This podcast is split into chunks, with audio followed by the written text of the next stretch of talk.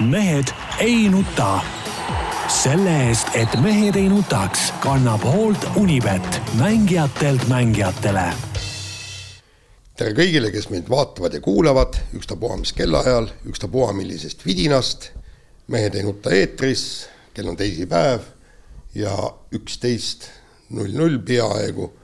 Tarmo Paju Delfist. tervist. Peep Pahv Delfist, Eesti Päevalehest, Keilast, Vasalemmast, erikorrespondent, mida iganes. tervist. ja Jaan Martinson Delfist, Eesti Päevalehest ja igalt poolt mujalt. nädalaga rabedaks jäänud, Jaan, kuidagi. kuidagi rabedaks, hääl on kuidagi rabe. hääl on jah kuidagi rabe, aga noh, tähendab siin tuleb siis õnnitleda meil Tarmo Pajut, kes. hurraa, hurraa. hurraa, kes äh, siis. ütleme meist ainus kolmekordne isa nüüd. Äh, ainukene kolmekordne isa. et nii kui nagu ütleme, see kolmanda lapse toetust äh, tõsteti, kohe mees asus, ütleme, nugise kombel tegutsema ja noh, naksti kurat, kohe käes. jah no jah, see teooria oleks ilus küll, kui, kui seda ei nii-öelda rikuks ikkagi teadmine, et äh, üks laps on kohe sellest äh, toetuse saamise east väljas. sa jõuad kiiresti veel korra saada seda suurt toetust. no selleks tuleb ka mingi või tuleks teha mingi tohutu hookus-pookus. hakata seal mingeid ümbervormistusi tegema ja nii edasi. ja teine asi on muidugi see, et, et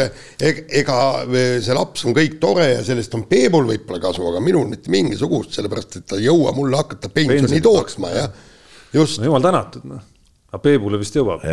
no sellised pässakad, mis pensionit tal vaja, peale seda on need Kristiina miljonid nagunii. sa kavatsed siin elada veel pikalt ei no kavatsen küll, aga no kahekümne viie aasta pärast hakkab teenima siis ka noh, ma ei tea, kui suurt palka vaevalt, et sealt väga minu pensionifondi kukub. no abiks ikka võib-olla. no, no, no mul ikka. on küll tunne, et siit tuleb ikkagi väga, väga tark uus ilmakodanik äh, maailma päästma, et küllap ta no,, küllap ta ikka panustab sinu, sinu pensionisse ka tublisti. ma loodan, et ema poolt vähemalt need geenid on kuidagi külge hakanud, ütleme kui isa poolt on hakanud, siis noh, ütleme sealt midagi väga head nahka nagu tulemas ei ole muidugi no ema poolt äh, ma äh, arvan, et tulevadki. ei, ma mõtlengi, kõige paremad poolt, geenid, mis üldse olemas on. temapoolsetel äh, geenidel, eks ole, noh, teame teda kui, kui ütleme, toredat ja, ja tarka naisterahvast, eks ole, aga noh, noh, eks ta võttis selle tossaka mehe endale sinna nagu kõrvale, keda siin nagu utsitada ja kasvatada ja noh tulemus on käes. aitäh, sõber ja kusjuures ma südamest ikkagi loodan, et, et et siis äh, äh, sinu tütar jätkab sinu ema liini, ehk siis temast saab ka liiderlik äh, neiu, sest, äh, sest noh, te mõlemad olete liiderlikud, olete, juhite siin Delfis, kes mis osakonda, Peep on ka liiderlik siin, tema juhib siin korvpallivõistkonda ja mina, näed, olen ainsana korralik, et mina ei no, liiderda siin midagi. tuleb saateski juttu, kuidas ka juhid ikkagi teatud äh, protsesse, millele on põhjust äh, inimestele reageerida, nii et seda liiderlikkust on ka sinul olemas. Äh, ja veel rohkem on sinul muidugi seda klassikalist liiderlikkust, teades, missuguseid prassimisi igal õhtul toimuvad Martinsonide kodus seal veinipudeli saatel ja nii edasi. et noh, selles mõttes on nagu kõik liiderlikkuse vormid on siin laua taga esindatud. ja, ja kusjuures ma ei ma isiklikult ikkagi mõtlesin, et noh, et, et kui, kui su tase, äh, eesti keele tase, kui sa oled eesti keele doktorantuuris, on säärane nagu on, siis meile kolmele, me peaksime olema akadeemikud äh, no sina, Jaan, ju vaheldanud oled. oota, ärge jamage, mehed, mehed, nüüd te lähete rappa muidugi. Jaan ja Peep ja sõna akadeemik. kas sa, kas, kas sa ütled, et Jaan ei ole akadeemik? kas sõnal, oota ma pean tunnistama, et ma olen, ütleme kusagil eilsest ma sain nagu mingisse nagu enam-vähem mingisse inforuumi või noh, kuidagi ütleme, see esimene eh, neli-viis päeva, me olime neli päeva haiglas üldse ja see neli-viis päeva oli nagu mingi natuke nagu udus, ma ei hakka siin detaili minema, miks täpselt. et see on, eh, las see jääda, aga, aga et noh, mingeid killukesi sellest, mis uudistemaailmas toimus ja, ja ka spordimaailmas toimus ikkagi natukene vahel minuni jõudis seesama liiderlikkuse teema jõudis ka näiteks. et ma ei ole nüüd tähele pannud, et äkki ka sõnal mis sellel akadeemilisusel on ka võib-olla mingisugune muu variatsioon juurde tekkinud, mida sa silmas pidasid praegu. see akadeemik, mida ei, mina ma, tean, see tähendus, see ei sobi, Jaan ega Peep, teiega ühte lausesse. ei, ma, ei no okei okay,, tähendab, ma, ma mõtlen seda, et, et meie peaksime kuuluma Teaduste Akadeemiasse taga hullemaks. ei no mis. ei muidugi, absoluutselt. ja ei no vähemalt. ma mõtlesin välja Äh, teaduste akadeemia alternatiivtähendus on siis see, kus, kus te passite nagu hästi sisse, on see, et vaata teadlased ka uurivad ju igasuguseid nagu huvitavaid nähtusi ja noh, selliste huvitavate nähtustena noh, nagu teadlased uurivad putukaid näiteks on ju. Noh, sobitad Teaduste Akadeemiasse nagu uurimisobjektiks väga hästi. ei, aga no ütleme niimoodi, et, et, et vähemalt mis no,. oleks mida uurida vähemalt, eks ole. absoluutselt. aga, aga mis puudutab eesti keelt, siis seda, seda me ikkagi vähemalt siis, nagu ma saan aru, mõistame parema, paremini kui Tartu Ülikooli doktorandid eesti keele ja kirjanduse eriala doktorandid, noh. nojaa, aga eks seal ütleme, mina arvan, kogu see teema muidugi natuke liiga üles puhutud ka, et ütleme noh, inimesed, kes küsiti otse-eetris, noh, võib-olla ka mingi mõttekramp või mingi asi, tead, noh. kuule, siin saate ajaloos on igasugust jama jäetud suust välja ja siis Ei, pärast no, kuulad, et mis, kust, kust, kust, kust sihuke lause tuli. Tarmo, sa saad aru, kogu, kogu ja, küsi... ma tahan öelda, kas sa ise ka nagu sihuke udu, uduajamise suurmeister. ei, absoluutselt, aga ma ei ole Tartu Ülikooli doktorant, vot see on nüüd see, mis, mis asja, oleks ta lihtsalt tavaline mingi üliõpilane või keskkooliõpilane mingit probleemi ja ei mis, tekiks. sa oled professionaalne spordiajakirjanik ja oma karjääris kindlasti igasugu fopaasid teinud ei no absoluutselt, aga ma ei, ma veel kord räägin, et, et see on kõik. Need ei taha isegi meenutama hakata. jah, aga ma tahan lihtsalt seda öelda, et ma, ma olen ise õppija et ah,. et siin on, vaata, kus on hea vabandus. sul on see, vaata, kes ole... panevad Facebooki see ja. eluülikool ja, ja, ja nii edasi. kusjuures mul on ka, et kuna ma ei ole ka dokt-, just nagu ajakirjandusõpingute doktorini kraadini ma jõudnud ei ole, siis võin ka nagu öelda, et järelikult võin igasugu fopaasid lubada. ei, absoluutselt, muidugi. nii on.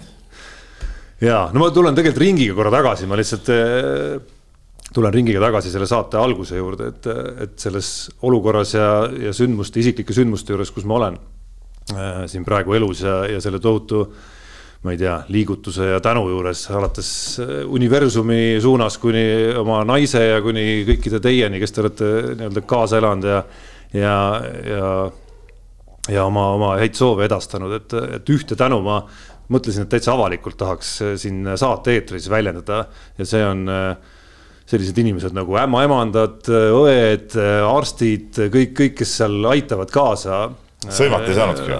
ei saanud, ei saanud, kusjuures minu arust on toimunud ütleme kümmekond aastat tagasi ma veel sain mingitel uuringutel käies siis nagu haiglate keskkonnas noh, päris palju riielda, kui kuidagi oskasid valesse koridori sattuda või noh, midagi sellist. et mitte midagi sellist nagu ülimalt lahked, ülimalt lahked inimesed, ülimalt äh, toredad inimesed ja, ja noh, see ämmaemandate ja õdede ja, ja see seltskond just, kes, kes aitavad reaalselt lapsed ilmale ja siis aitavad neid õnnetuid ähmisvanemaid seal esimestel päevadel ja öödel seal äh, erinevates osakondades, meie puhul siis pere palatite osakonnas, kes on seal tegelikult üksinda mõnes mõttes mingisuguse tohutu kaadri peal, üks rohkem paanikas kui teine, igalühel omad mured. Neid on ilmselgelt vähe seal selle rahva hulga kohta, keda nad aitama peavad ja siis nad kuidagi tulevad, tulevad toime seal, et, et kui me sealt lahkusime ka pühapäeval, siis läksin ja ütlesin, et minu arust olete kõik väga suured kangelased ja ma tahaks korrata seda siin, seda siin eetris ja pigem utsitada kõiki, kes äh, haiglate juhtimise ja tervishoiusüsteemi juhtimisega tegelevad, et, et, et noh, tehke nende elu nüüd vähe nagu viisakamaks ikkagi, et.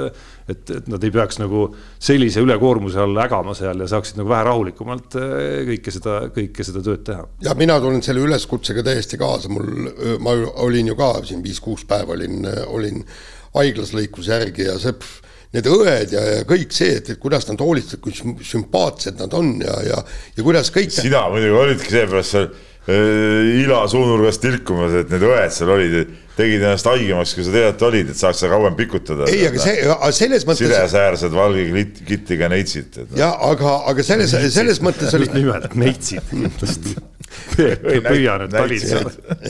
aga, aga, aga selles mõttes oli täiesti tähendab noh ühesõnaga mul, mul oli ju käsi oli haige, käsi sidemes ja kõik ja, ja jalad all ja kõik, aga nemad olid ikkagi, tähendab, nad olid valmis mulle minema sealt eest kohvi tooma, kui ma tahan ja kõik niimoodi. ma ütlesin, et kuulge, ärge tehke nalja, aga ta ütles, et ei, et noh, meie asi on pakkuda, et, see on meie töö meie töö on teid aidata, et ja nüüd tõesti ääret-, ääretult. kuskil mingi ministrite nõukogu eh, erihaiglast ei no ma olin jah neljandas haiglas. nojah, ma, ma tean, kus sa olid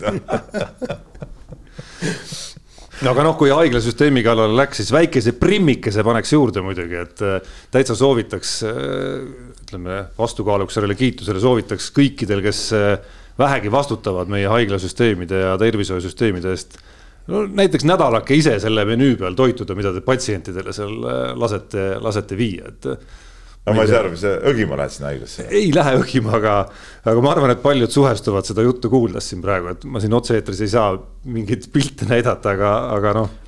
ma arvan, et paljud inimesed suhestuvad sellega, et, et see toit, ma arvan, olgu nad vast sünn, sünnitanud, käeluu või näpu murdnud mis iganes muude probleemidega seal haiglas inimesed on, et, et mulle tundub, et toit on oluliselt tähtsam tähtsam ütleme, selline taastumisvahend või, või sellel on oluliselt äh, suurem roll taastumisvahendina kui, kui selline. ei kulu energiat. kui selline kohati ikkagi natuke sellist, ma ei tea, ma arvan, et kaheksakümnendate Vigateli osaroad olid küll ikkagi nagu kaheksakümnendate Vigateli söökla või ma teen võib-olla sellele sööklale liiga. ei, sa teed kindlasti, et Vigatel oli just, see, see oli sõjatehas Eli,. eliit. eliit. asi ei ole nüüd pirtsakuses, sest ma pärast seda olen rääkinud, mingeid pilte jaganud ja noh kõik tuttavad, kellega ma olen seda teinud, alates Jaanist eh, kuni veel päris paljudeni, on täpselt samade kogemustega tulnud sealt, täpselt samade tunnetega, et, et kuidas see, et, et noh, me oleme nagu koolisüsteemis ja vaata palju räägitud koolitoidust.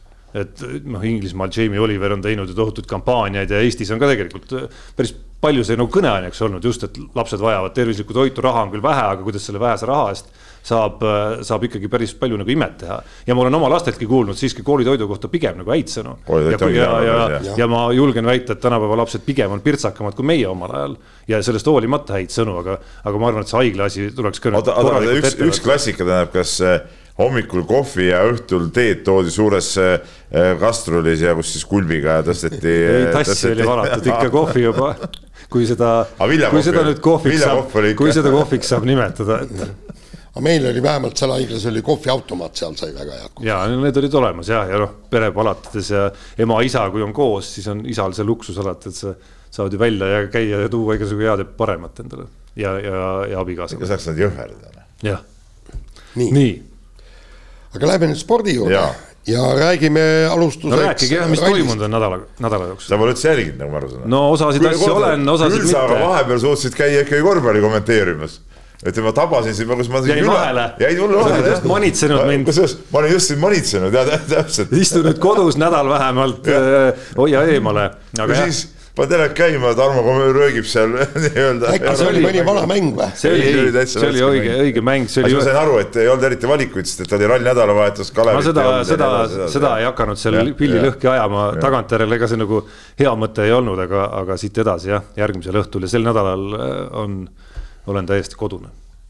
kuulan sinu sõna, Peep. no vot kuula ikka vanemaid seltsimehi. no sul on sarnane kogemus sarnases vanuses äh, täpselt, isaks saada. sisuliselt täpselt samas vanuses, noh, see on mingi väiksete nüanssidega, jah. nii et see on valdkond, kus seda nõuannet võib usaldada isegi. nii, aga kui spordi juurde minna, räägime Ott Tänakust. noh, ütleme niimoodi, et äh, Mehhiko ralli kõik see paremini ei läinud, paar punkti jäi näppude vahele. Äh, mis siis oli, kaheksas koht? kaheksas koht jah, meil oli siin, äh, oli pärast avapäeva oli siin väike vaidlus ka, et, et kas punkti koht on realistlik, mina ütlesin, et see ei ole realistlik, aga no tulid siis korraldajad appi ja, ja., ja andsid, andsid WRC kaks meestele absurdseid katseaegu Serderiidisega võrdseid ja no siis tänu sellele õnnestus tal Tänakul nagu punkti kohale tulla, et, et noh, see oli nagu väike kingitus siis ütleme ralli korraldajate poolt. ja, ja oleks Serderiidis teadnud ette, eks ju et niisugune jama hakkab juhtuma, oleks veel aeglasem olnud. aga, aga jah, paar punkti jäi eh, näppude vahele ja muidugi. pluss siis punktikatse väga võimas sooritus. see ongi ja. see punktikatse eh, sooritusele võimas, see oli tegelikult fantastiline vaatepilt, kui, kui näidati seal, eh, kuidas, kuidas Ott Tänak seal võitleb sellel rajal ja siis seal kaamera oli autos ka ja, ja, ja siis pärast hüpet oli ikkagi, kujutan ette, et vend, vennal neerud lahti ja no, seda viimast. Läks liiale natuke, jah. just, aga no midagi ei ole teha, kiirust on äh, vaja näidata ja ja, ja siis ta ütles ka, et, et see oli päris hull sõit ja tervet rallit loomulikult nihukese. ei see näitaski ära, et, et üldse äh, nagu äh, nendes tingimustes konkurentsis püsimiseks oleks pidanud kogu aeg sõitma üle selle äh, normaalse riskipiiri nagu, mis see, mis see viimane katse tegelikult oli, et see ei olnud ju, see ei olnud ju ütleme sihuke noh äh,, säästev sõit, vaid see oli ikkagi ennast hävitav sõit, nagu isegi ma ütleks, sealt võeti sada protsenti ja, ja rohkemgi välja, et, et selge see, et tervet rallit nii ei ole võimalik sõita, isegi selle sõiduga ta oli siis nagu teine ja, ja ütleme seal nippa-nappa, eks ole. et, et, et selge see, et seal jah, ütleme, Kruusal nüüd päris kõva töö ootab ikkagi ees, kuidas see auto nagu timmi saada. jaa, aga tegelikult see kehv koht ikkagi sõltus jälle sellest, et oleks nässu ka muidugi, jah. no põhimõtteliselt Turba ütles üles kohe esimesel kat-, kiiruskatsel esimesel päeval, pikal päeval. Ja, ja, ja, ja see ongi see, et, et vaata, ma, ma sain küllaltki palju pahandada pärast Monte Carlo rallit, kui ma torisesin selle M-spordi ja Fordi pihta, et, et äh, neil on nii, nii palju igast pisivigu ja mingit jama tuleb sisse, eks. et noh, et sinagi, Peep, ütlesid, kõigil tuleb, eks, aga kui sa vaatad praegu seda rallit, siis, siis. no ma igaks juhuks tuletan meelde, et Ott Tänakul eelmises tiimis tuli kogu aeg igasugu nii pisi kui suuri vigu. jaa, aga, aga see ongi, vaata, see äh,, siin ongi see, et M-spordil on üksainus töö. Ott Tänaku masin hoida korras, et sealt midagi ära ei laguneks aga kui sul esimesel kiiruskatsel juba turbo üles ütleb ja sa annad päevaga ära kaksteist minutit, no see, see no ei jaa, ole okei okay. no. ei no Jaan, mõtle nüüd nagu natuke kaine. teistele, teiste, teistel ei juhtunud seda no,, mitte kellelgi. seekord, seekord jah, esiteks, teiseks see, et, et no mis nad seda turbo ikka teha said siis, et, et seda paremini korras hoida, no mis, mis, mis nad oleks pidanud tegema? õlitada paremini. ei, ma, ma, ma ei no, tea, mina ja, ei ole spetsialist no. aga vot siis, eh, siis nii ongi. ei, aga, ei, aga tehku täpselt nii, nagu tegid Toyota ja Hyundai, kelle turbod üles ei öelnud, tehku täpselt nii. no mis sa arvad, nad ei teinud täpselt nii? no järelikult ei teinud, kui turbo üles. no, no, no mingid elemendid lähevad katki ka vist täitsa. jutt on täiesti jabur, mis sa praegu räägid, tähendab. mitte, et ma ei tahaks öelda, et, et auto ei oleks pidanud katki minema, muidugi, muidugi oleks ralliauto peab olema terve ralli aja korras, aga see su jutt, et on, on praegu täiesti jabur, mis sa räägid. no et, ta kindlasti ei ole nagu, see ei ole nagu adekvaatne, see on lihtsalt mingi sihuke plähmerdamine, mis sa mis sa praegu välja ajad, aga, aga. suurem küsimus, mis te võiksite selgeks teha, alustades mulle, sest ma olen heas rollis praegu, kus väga palju tõesti rallit jälgida ei jõudnud, et. et oletame, et seda turbojama olnud ei oleks, et mis kiirust äh, Ott Tänak siis nüüd ikkagi näitas kruusal. kolmas, kolmas-neljas kuskil seal. ja Rovanperaga võidelnuks. selle stardikoha puhul ju ei ole midagi hullu. ei, no ei oleks midagi hullu, aga, aga, aga rohkem ma mõtlesin hoopis selle peale, et tegelikult äh, kõik need intervjuud, mis Tänak on nüüd sel hooajal andnud, eks ole, kolm rallit on olnud, kolmel rallil on ta rääkinud tegelikult täpselt samasugust juttu, nagu ta rääkis eelmine aasta Hyundai'ga sõites, et, et see olukord on, on tegelikult äh, täpselt äh, samas, samas seisus, et, et äh, mehel on auto ja mehel on selline auto, mis, mis ei sõida nii, nagu, nagu tema tahab ja ma hakkasin mõtlema selle peale ka, et kas ütleme, okei okay,, Toyota nagu saadi sellisesse seisu, et mis, mis lõpuks sõitis nii, et, et, et eelmine, sai, eelmine Ford ka. eelmine Ford, eelmine Ford, see on juba vana vana, vana lugu. et, et kus ta sai nii-öelda autoga üheksa, aga Hyundai'd ei saadud ja ma hakkasin mõtlema, kas seda Fordi praeguses seisus noh, me ei tea täpselt, et kas, kas seda üldse on võimalik selliseks päris saada, nagu, nagu Tänak seda soovib, noh. või no., või peab ta ka ise natuke midagi eh, enda selles sõidus ümber kohendama ja, ja kuidagi nagu vastu tulema siis sellele, sellele autole nagu, et, et saada need asjad paremini klappima, et see on, see on minu arust niisugune küsimus, millele millele on praegu äh, muidugi raske vastust anda. ja aga, aga nagu ta ütles, et, et äh, seal ei ole neid nii-öelda arendustöid veel tehtud ja ne, need ootavad ees ja siis vaatame, mis sealt saab, ilmselt nad kasu-, peavad kasutama mõne jokkeri ära ja, ja seal mingid äh, teatud kindlad sõlmed ja süsteemid kõik, kõik ümber muutma, vähemalt töö, töö selle nimel käib, et noh, saab näha, kui me vaatame nüüd, paneme selle viimase kiiruskatse ja siis Ott Tänaku selle korras autoga üldise sõidu, siis asi ei ole tegelikult hull, ega seal tuleks natukene, natukene äh, asja paremaks muuta, et, et Tänakul oleks tõesti selle autoga mugav sõita ja siis oleks ta ikka mingil määral võitlusvõimeline, nagu oli ta Rootsi rallil, ega seal tal ka ei olnud ju perfektne auto. ei olnud, ei olnud, ta kogu aeg nagu rääkis sellest, kuidas autoga ei ole nii ja, ja naa, et ma räägin, see jutt on täpselt sama olnud, mis on, mis on eelmine aasta, aga noh, aga nüüd nagu selles suhtes nagu äh, Tänaku suhtes läks asjad nagu halvasti, eks ole, et nüüd ta Mehhikos pidi minema esimesele rajale lisaks kõigele muudele jamadele, eks ole. nii, kõige ebamugavam koht esimene päev, pluss siis auto ei tööta, noh, kõik jamad kokku. noh, tulemus oli nagu oli. nüüd äh, Horvaatias asfaldi peal, nüüd ta kukkus vist neljandaks. ja jälle ütleme, ees on äh, mehed, kellel on äh, parem stardipositsioon ja mõnusam sõita, sest asfaldi peal on ju ees teadupärast parem sõita. et, et, et, et päris äh, sihukesest keerulisest kohast peab ennast välja võitlema ja, ja mis, mis jäi nagu silma, üks tema lause, et, et asfaldi peal on selle autoga veel keerulisem praegu, et seal seal, seal need probleemid võivad olla veel suuremad nagu, seadistuse probleemid. no just see, eks ta Monte Carlo järgi seda ütles ja ma arvan, et, et väga olulist tööd nüüd asfaldi seadistuse paremaks muutmisel pole tehtud, sellepärast et nad on ikkagi teinud ju kõik selleks, et kruusarallidel olla hea. Väga, väga palju ei saa ka seda teha, et ega siin mingeid suuri teste ei ole, et see üks, üks ralli on nüüd, see on nagu võtme, võtmeküsimus on see, see üks vaheralli, mis ta saab äh, teha, et, et kui palju seal nüüd õnnestub äh, ütleme seda timmida ja, ja autot äh, asfaldi peal sobilikuks saada. jah, aga no mis siin rallil veel, veel huvitavat oli, oli ikkagi see, et et no Sebastian Ogier, tehke mis tahate. no nagu kunn on kunn, midagi pole ütelda. jah, ja Peebuga, Peebuga rääkisime, tegelikult jääb täpselt niisugune mulje, et ükstapuha, kes tänavu maailmameistriks tuleb, Ott Tänak või Kalle Rovandpera, siis nad tulevad sellepärast just, et kuule, kui, kui vend on sõitnud kaks rallit ja võitnud need mõlemad, okei okay,, need on mõlemad olnud tema rallid. no pluss ikkagi see Mehhiko puhul see stardikoht no kas ta esimeselt kohalt oleks võitnud selle? no, no ta on, ta, ta on, võitnud, võitnud.. ei, ma mõtlen nüüd. Eh, Mehhikos. no ilmselt ei oleks. ilmselt ei oleks, jaa, aga okei okay,, stardikoht stardikohaks, aga, aga see ka, kuidas ta veel selle punktikatse ka, kus tal nagu ei olnud otseselt nagu midagi väga palju mängus, noh. Tõmbas sealt ka rahul, rahulikult tõmbas selle viis punni veel, veel välja, et noh, mina tahaks küll näha, et ta tegelikult ikkagi muudaks oma seda mõtet ja, ja põrutaks selle selle hooaja tegelikult edasi, noh, et tal on tal on suur šanss ikkagi võtta see tiitel ära no,. pealkirja, pealkirja ma nägin kuskil, kuidas Latvala teatas, et, et tahaks ikkagi rääkida Ožeega sellest, et on see, on see nagu päris jutt? no põhimõtteliselt Latvala jätkas lauset, aga ma ei usu, et ta tuleb, tuleb, sõidab täishooaja. Latvala ütles ka, et, et kaks rallit, kuhu ta ilmselt kindlasti ei tule, on Rally Estonia ja Soome ralli.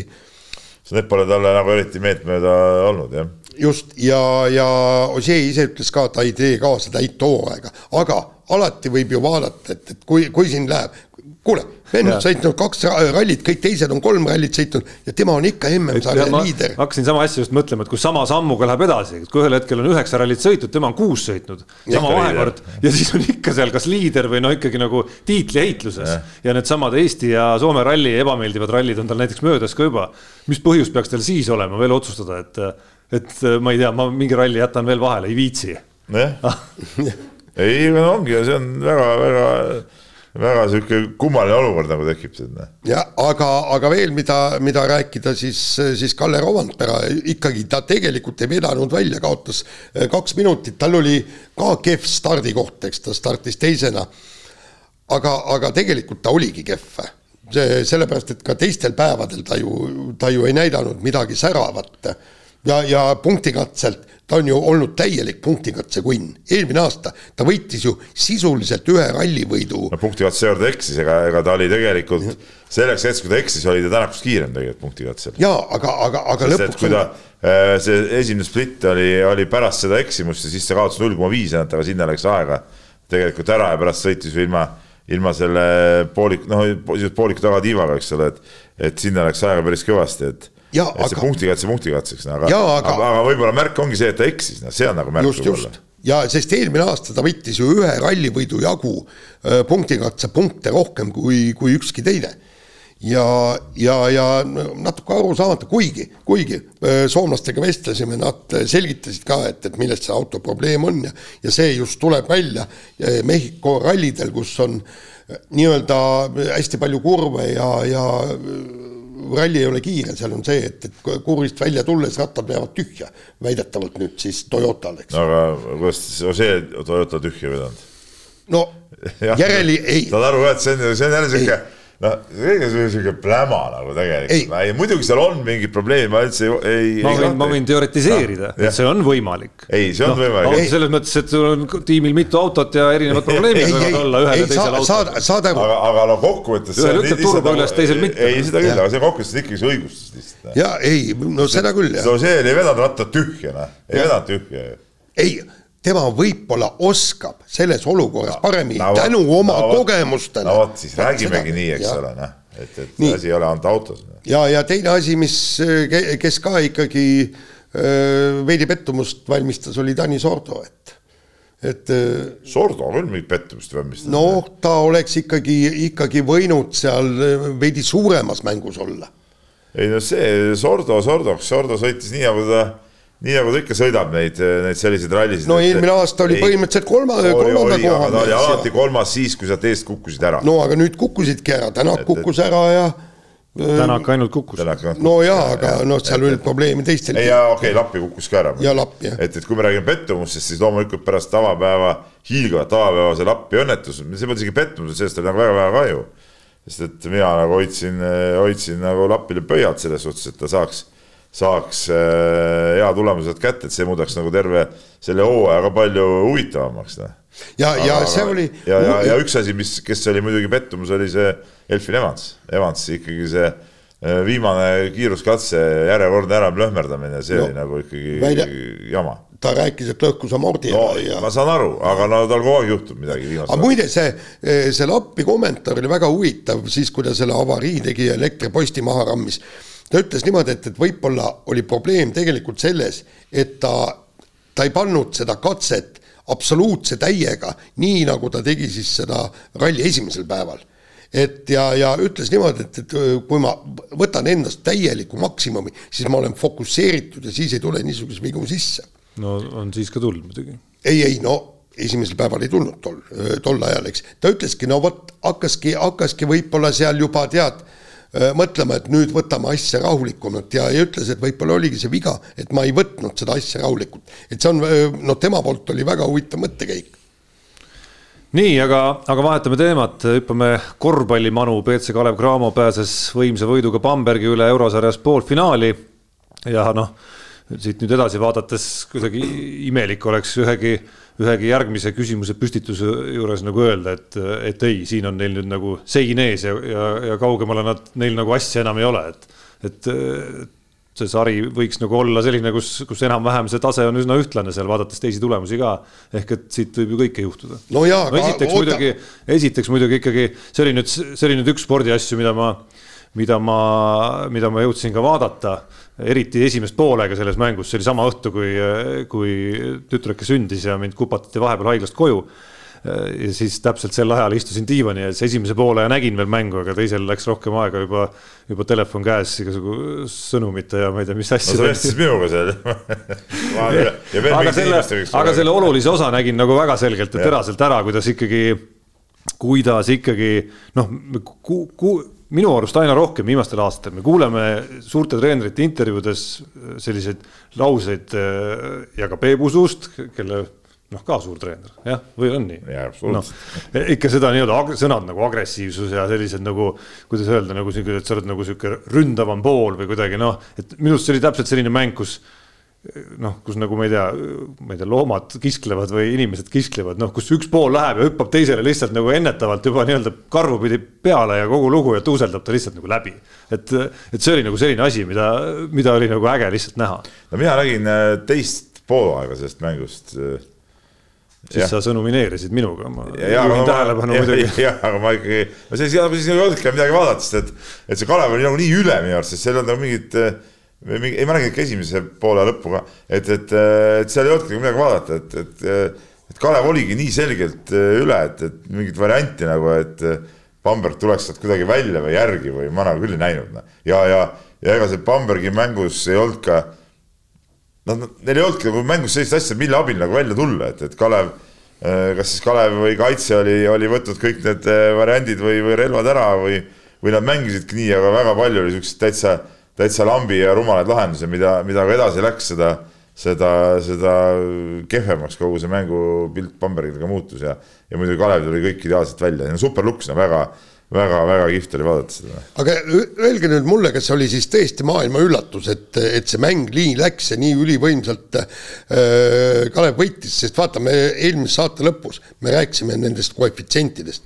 Ja, ja kui äh, kui meeskonnal, kes paneb kahekümne punktiga ära ja tema võidukoefitsient on kolm, siis nagu kihlveokontorid justkui ei tea, ei saaks üldse aru, mis no toimub. kolm ei ole, noh ka üks koma viis oli vist selles tava, tavajaotuses oli, oli Bambergi koefitsient, et see ei ole mingisugune nagu mäekõrgune vahe ikkagi, et, et selgelt sa oled kerge soosik selles mängus, aga see ei ole nagu, ma ei tea, üks koma kümme või midagi sellist, et no siis me räägime kohast, kus nähakse ikkagi klassivahet meeskondade vahel, et siin, siin äh, ma ei heidaks isegi nagu tagantjärele väga palju nagu ette nendele, nendele ekspertidele, kes neid numbreid nagu välja mõtlesid et tuleb lihtsalt tõdeda, et, et Kalev Cramo tõesti mängiski lihtsalt nagu väga hästi ja tuleb tõdeda, et päris mitmendat korda mängiti väga tähtis mäng, nii-öelda otsustav mäng väga hästi ja väga mitmendat korda mängiti ühe ja sama satsiga see nii-öelda teine mäng mängiti väga hästi, kus siis tuleb natukene mängu ju ka see, et mis, mida kogeti esimeses mängus, mis taktikalised mingisugused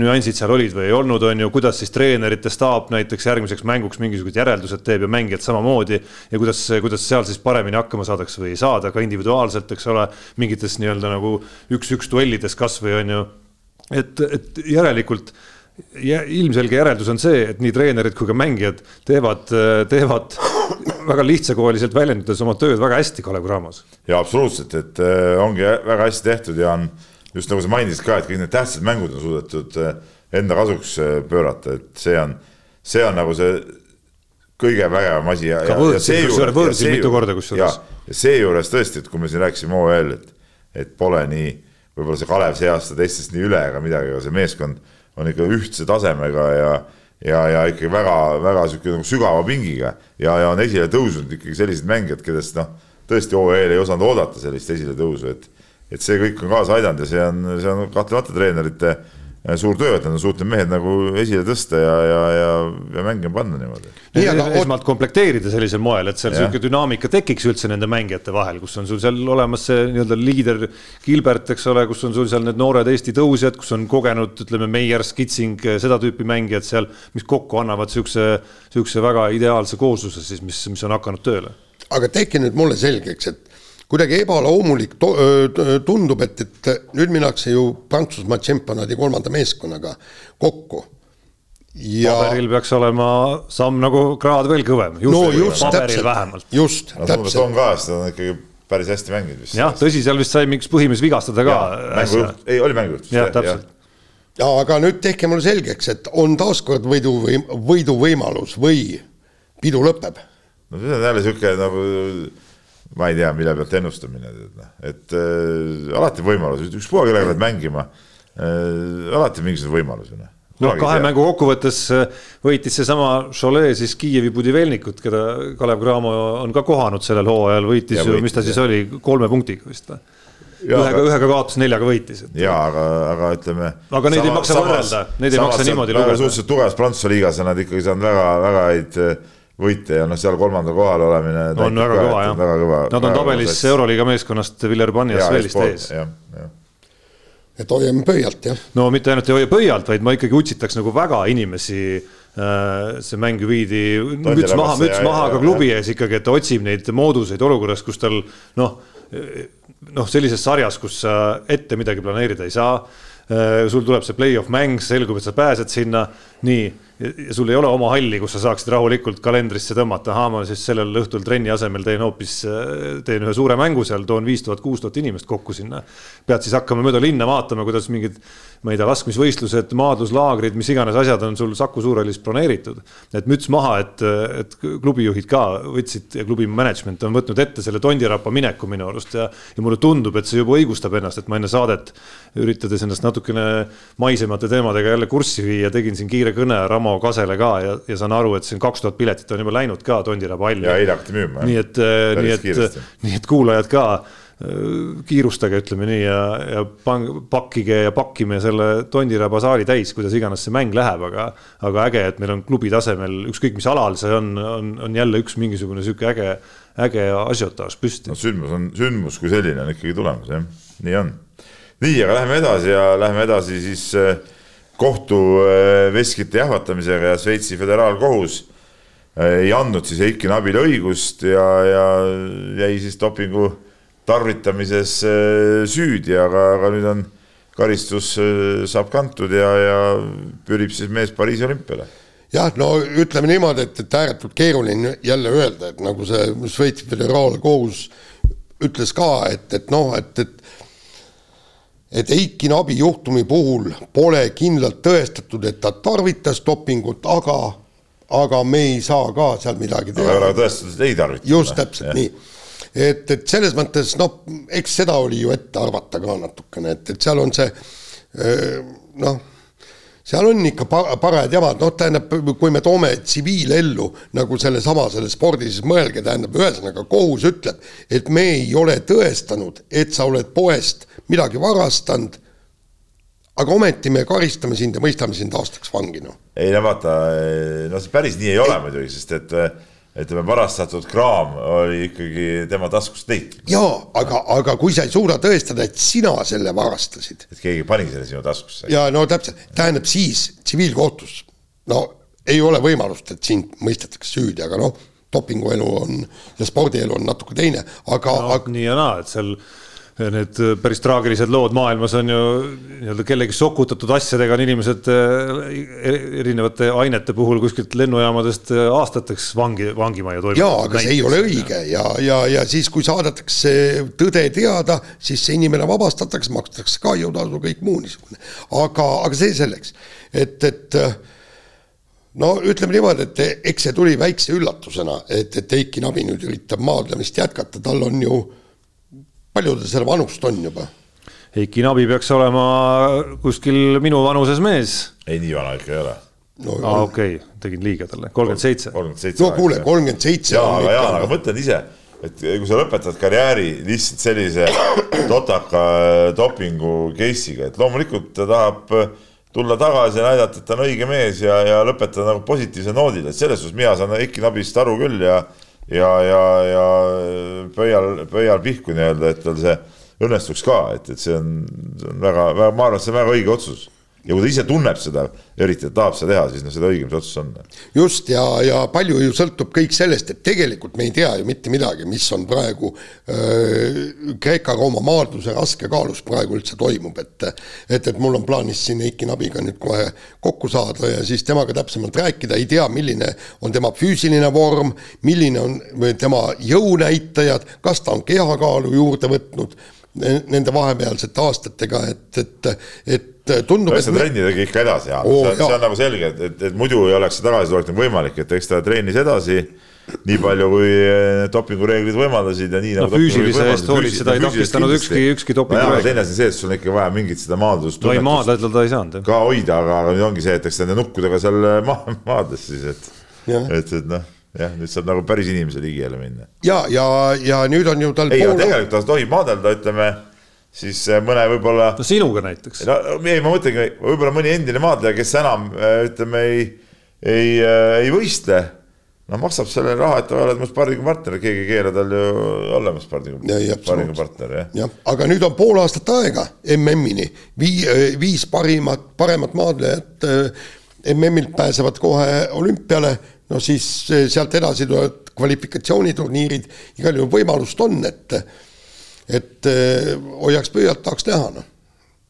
maha ei saa, Eiki Nabit ei saa kunagi maha kanda. ei no see oleks, noh, kujutate ette seda pilti, kui tal õnnestuks mingil suurvõistlusel ikkagi nüüd poodiumile ronida veel mis, mis emotsioon see võiks nagu olla ja mis, mis tunne see võiks olla Eiki Nabil? jaa, aga nüüd me siin nagu räägime nii, et. Äh, et puhas, et puhas ei, sportlane ülekohtuselt tehti süüdi. kui samasugune, kui tegemist oleks näiteks äh, no ma suvalise näite, noh, äh, Aserbaidžaani, Aserbaidžaani maadlejaga näiteks. Ja, ja, ja kes on andnud positiivse dopinguproovi, rääkinud, et ta ei ole milleski süüdi ja fa-fa-fa, nüüd saab, nüüd saab nagu see aeg läbi ja tuleb olümpiale tagasi, näiteks võidab Nabit seal.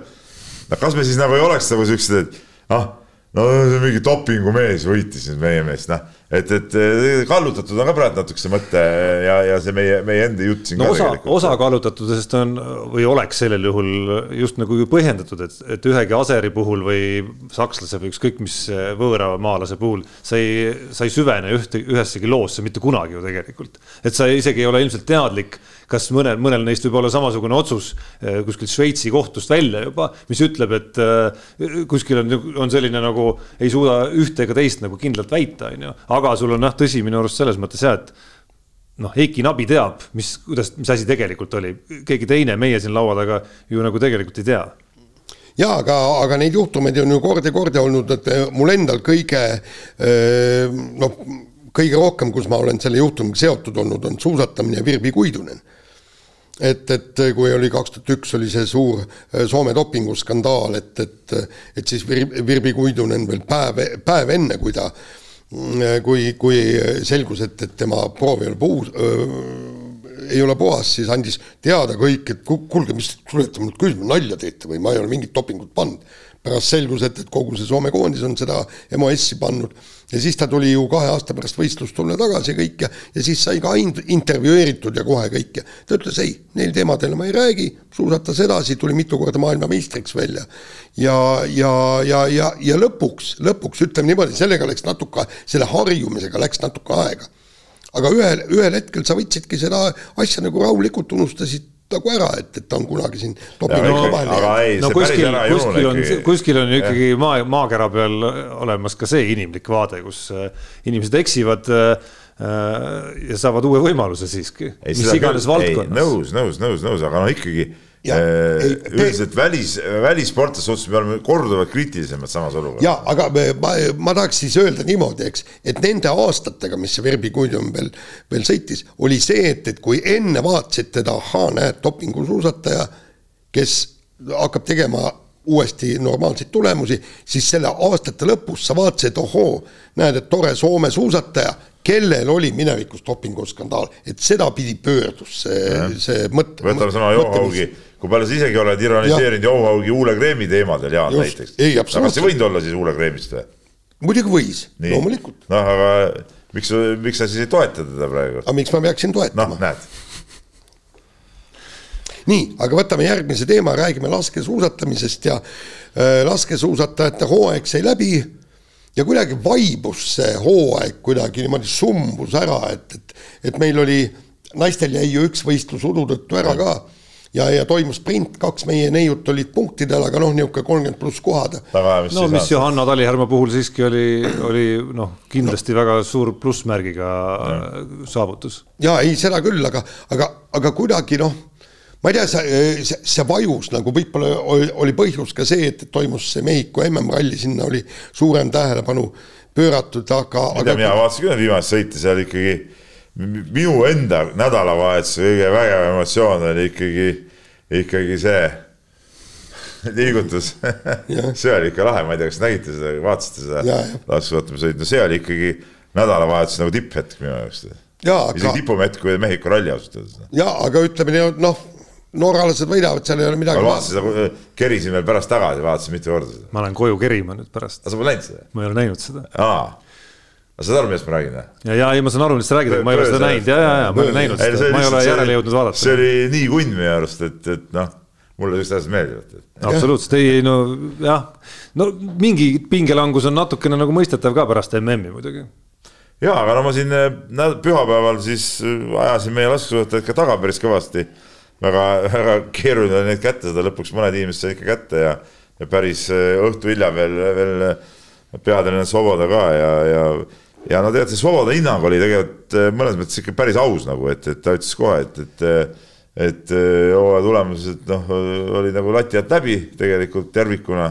okei okay,, see Tuuli Toominga MM-i vägev sõit ja kuues koht ja, ja, ja mõned kohad siis seal MK-sarja sõitude seal teises kümnes, eks ole, aga tervikuna ikkagi, kui me vaatame, mis lootustega mindi võib-olla hooajale vastu ja mis need tegelikult tulemused olid, siis siis seis äh, ja, ja tulemused olid, olid nagu pettumus igal juhul oli see hooaeg, et, et äh, aga ta ütles, et, et äh, eriti meeste puhul ta nägi seda nagu seda füüsilise poole arengut, et, et noh, tegelikult kui, kui nüüd enam laskmine ka nagu oleks korras, et siis oleks nagu reaalne, et järgmine hooaeg peaks tulema palju parem, aga noh, see, see teisalt see võis kõlada ka või, või noh, võis olla ka sihuke, sihuke natuke sihuke noh olukorra optimistlikumaks eh, rääkimise jutt, et eh, kui, kui siiralt seda võtta saab, ongi päris raske hinnata praegu. ja aga, aga samas näiteks ta ütles ka, et, et mis oli tegelikult murettekitav, oli see, et meil naiste seis on ju tegelikult. naiste seis on suhteliselt hapu. meil on jah. neli, neli naist, kes suudavad sõita üldse. Johanna Talihärm ka sealsamas loos, et, et, et meil neli naist nagu oligi, et nii-öelda nii-öelda haigeks jäämise luba ei olnud nagu kellelgi, et, et kõik pidid vaatama, et ükspuha, mis seisus oled, pidid nagu võistluses osalema. meestel siin veeti ikkagi noh, selgelt mitte MK-sarja tasemel äh, noormehi, isegi, isegi juuniorid MM-i ajal veeti, veeti põhimõtteliselt MK-sarja kohale, okei okay,, neil oli seal väga terav heitlus ka kohtade pärast rahvuste karikal, aga, aga naistel ei ole me seda näinud isegi, et siin on ja. väga no, kehva, tervi, kehva paar... tervisega on seal ikkagi pidanud äh, ennast nagu räsima päris mitu. no Regina Järvis jättis seda korra vahele, aga, aga, aga see ei olnud teatesuusat, noh, teadet poolt tookord jah, et see oli nagu võimalik vahele jätta. aga seal paar tüdrukut nagu on tulemas, aga, aga üldiselt jah, see ütleme, see tüdrukute seis on, on nagu hõredam, jah. no paraku nii on, et äh, siin ei oskagi midagi öelda. no ma lugesin, Peep, väga hoolega läbi selle suure laskesuusasõbrana su, su kontaktivõttude ütleme siis tulemi yeah. Delfi, Delfi veergudelt, et mida siis kõik seal rääkisid ja, ja pealkiri oli, oli selline üsna optimistliku tooniga. ma küll pean tunnistama, et ma nüüd noh, väga ei saanud lugu lugedes aru, et, et mis, millest, kus ta täpselt seda optimismi näeb, näeb, et, et. ta näebki sellest nagu meeste, et okei okay,, meeste järelkasvus. järelkasvus ja selles, et need, kes praegu koondises on, nende ütleme, see füüsiline pool on nagu kõvasti paranenud. Et noh, kuigi, kuigi muidugi noh, võiks näha ka mujal, et, et Tuuli Toomingas. ta näeb ka selles, ma segan vahele, et võib-olla ma kirjutasin halvasti lahti, aga ka selles, et ikkagi olid selged põhjused, miks Johanna Talijärv ja Regina Ermits olid CO kehvad, et, et see lause on minu arust sees ka, et seal on nagu selged, selged põhjused. paremini tehes ja, ja, ja Johanna Talijärv nüüd mingi aeg on saanud, ütleme siis olla vabam nendest probleemidest ja, ja me nägime, et see viimane sõit annab nagu lootust, väga selgelt annab ju nagu lootust, kui suuta vältida neid sarnaseid probleeme. et see pilt võiks nagu äh, parem olla järgmisel hooajal ja noh, samamoodi kui me nüüd päris tipust räägime Eesti mõistes ehk siis Tuuli Toomingast, siis MK-sarja punktide kokkuvõttes ta ju oli tagapool kui hooaeg varem, lihtsalt need tipud tulid hooaja teises pooles, mis, mis lõpuks, mis lõpuks ikkagi nagu andsid ka minu arust väga selge nagu lootuse, et, et, et nüüd, et, et on võimalik teha samm edasi järgmisel hooajal. aga see oligi, vaata see tunnetus oli nagu petlik, et kui ma ise seda eh, lugu tegin, siis ma võtsin need tulemused lahti, mul oli kogu aeg sihuke tunne, et no ütleme, et seal hooaja teises pooles, et Tomingus oli kogu aeg nagu suures mängus. No see oli vaatama, üsna lühike see hooaja lõpp esiteks. ei no siis hakkas vaatama, et no ja siis polnudki ju midagi, et oli see kuues, eks ole noh, siis tal jälitus oli kaheteistkümnes ja see oli mingi üks. ei no ühistardis oli ju ühistardis. oli kaheteistkümnes jah ja siis oligi seal mingi üks viisteist ja kolm kohta. ei no ühistarti ta pidi ka pääsema, et, et ja, need nii-öelda pääsuvõistlused. ja aga ütleme kolm kohta ainult teises kümnes, et, et kokkuvõttes nagu polnudki nii nii midagi äh, müstilist. aga noh, see on väga huvitav äh, hetk, eriti no, kui me naiste tipust räägime ja ka sellest, et äkki on lootust või, või noh, lootust on igal juhul. et, äh, et lisaks Tuuli Toomingale Susan Külm ja, ja Regina Ermits ja Johanna Talijärv võiksid ka, no ei taha nüüd mingisse tohutusse optimismi lainesse ja mingisse ulme kalduda, aga, aga see naiste, naiste laskesuusa tipp järgmisel hooajal on ju, on ju päris huvitav, et see plejaad, kes sealt eest ära läheb näiteks. seal on ju mingi neli on juba, ma lugesin nädala uudistest juba lugesin välja neli nime, kes on lahkumas lahkumas areenilt, et, et see, see tekitab ka noh, mingeid võimalusi ikkagi, vaata, need on osades, osad on sellised nimed, kes on ikkagi iga kord sul peaaegu nagu esikümnes või kahekümnes. jaa, aga arvesta. muidugi sa näed, kuidas samast tuleb ju seesama Itaalia näiteks, no Norrast me üldse ei räägi, aga seesama, kuidas Itaalia naistel on tulnud äh, noored äsja juuniorieast tulnud naised ja kelle abiga on siin teadetes juba poodiumil oldud. ei no mis võitsid ju maailmameistritiitli. no just. Itaalia naised et, et noh, sealt tuleb teistmoodi suurtel maadel muidugi väga jõhkralt äh, uut, uut verd peale. nii, aga selle saatuse lõpetuseks jalgpalli ka natukene. Eesti jalgpallikoondis alustamas uut äh, valiksarja, seekord siis Euroopa meistrivõistluste valiksarja. Austria on meie esimene vastane ja küsimus on lihtne, kuhu me siis lati paneme Eesti koondisele uue stardi eel. tead, mis ma ütlen, see jalkakoondise värk praegu nagu suht sihuke ma ei tea, nagu üldse ei ole lainel nagu sellega või, või, ma ei, ma ei olegi nagu üldse, ma ausalt täitsa ootamatult avastasin, et, et jalkakoondis kuhugi läheb, oli, ma mäletan küll, kui oli mingi meil, et koondis tuleb kokku, ma mõtlesin, ah mingid, need jälle mingid Euroopa liiga või mingi sõpra, ma ei ole üldse mõelnud, eks ole. aga ütleb jälle, et sõprusmäng ja siis veel valikmäng ka sinna otsa, et, et noh et äh, mul on ma, väga selge. ma oska nagu midagi arvata, mul ei ole selle, mul ei ole selle koondise suhtes mitte mingeid ootusi. mul on väga selge latt ja see haakub täpselt sellega, mis sa rääkisid, ongi see, et äh, noh, on muidugi on kõvad jalkafännid, kes alati on huvitatud ja jälgivad ja on kohal, aga, aga et see koondis suudaks näiteks selle tsükliga või selle perioodiga tekitadagi nüüd, noh, me oleme näinud, kus Kossu koondis on hakkinud uue põlvkonnaga, isegi kui noh, kord võites, kord kaotades, aga noh, mingi, seal on mingi eduelamus tulnud, on ka ebaõnnestumisi, aga on tekitanud mingi asiotaaži, seesama Kalev Cramo on tekitanud äh, mingil hetkel võrkpallurid, et noh, seda tahaks nüüd näha ja ma arvan, et ainus moodus selle tekitamiseks on ikkagi, kui, kui me hakkame nägema siin esile tõusmas uusi nimesid selles koondises ja hakkame nägema, kuidas nad äh, vahetevahel saavutavad edu ka, olgu siis see, olgu siis see, ma ei tea, Aserbaidžaani edestamine selles grupis, mis võiks üks eesmärke olla, et me oleme oma asetuses siis ikkagi lõpptabelis kõrgemal äh, või siis näpistades seal siin ja seal kedagi suuremat, et, et kui, kui selle tsükli jooksul seal midagi muutub, et Peep tsükli eelõhtul ei ütle, et kuidagi ei tekita siin mingit tunnet, on ju, siis nad on minu arust juba oma töö ära teinud. no ja, ja esimene mäng esmaspäeval, järgmine esmaspäev Austriaga, noh, minu meelest see, see on meeskond, kellega võib mängida.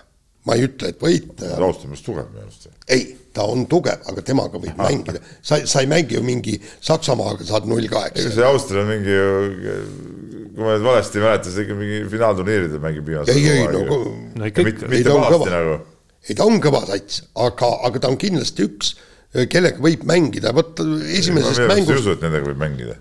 ei ma arvan. ma ei tea, mul on nagu mingi tunnetus, et Austria on nagu otse viimsed on päris tugevad või ma ei tea, vajame satsi midagi või? ei no Tarmo, küsimus on lihtsalt selles, et äh, kuhu tõmmata siis nagu joon on ju, et mis see tähendab, mis tähendab tugev ja mis tähendab siis. Äh, ma siin taustal teen, vaatan, maailma edetabeli kolmekümne neljas. no ma tahtsin just seda sama asja lahti võtta. noh, et, et. no me oleme vist saja kolmekümne. no selge, ta ei ole sama, samal ajal ei ole loomulikult tegemist, ma ei tea, Itaalia, Horvaatia või Hollandi või Inglismaaga esikümnest on ju. no just.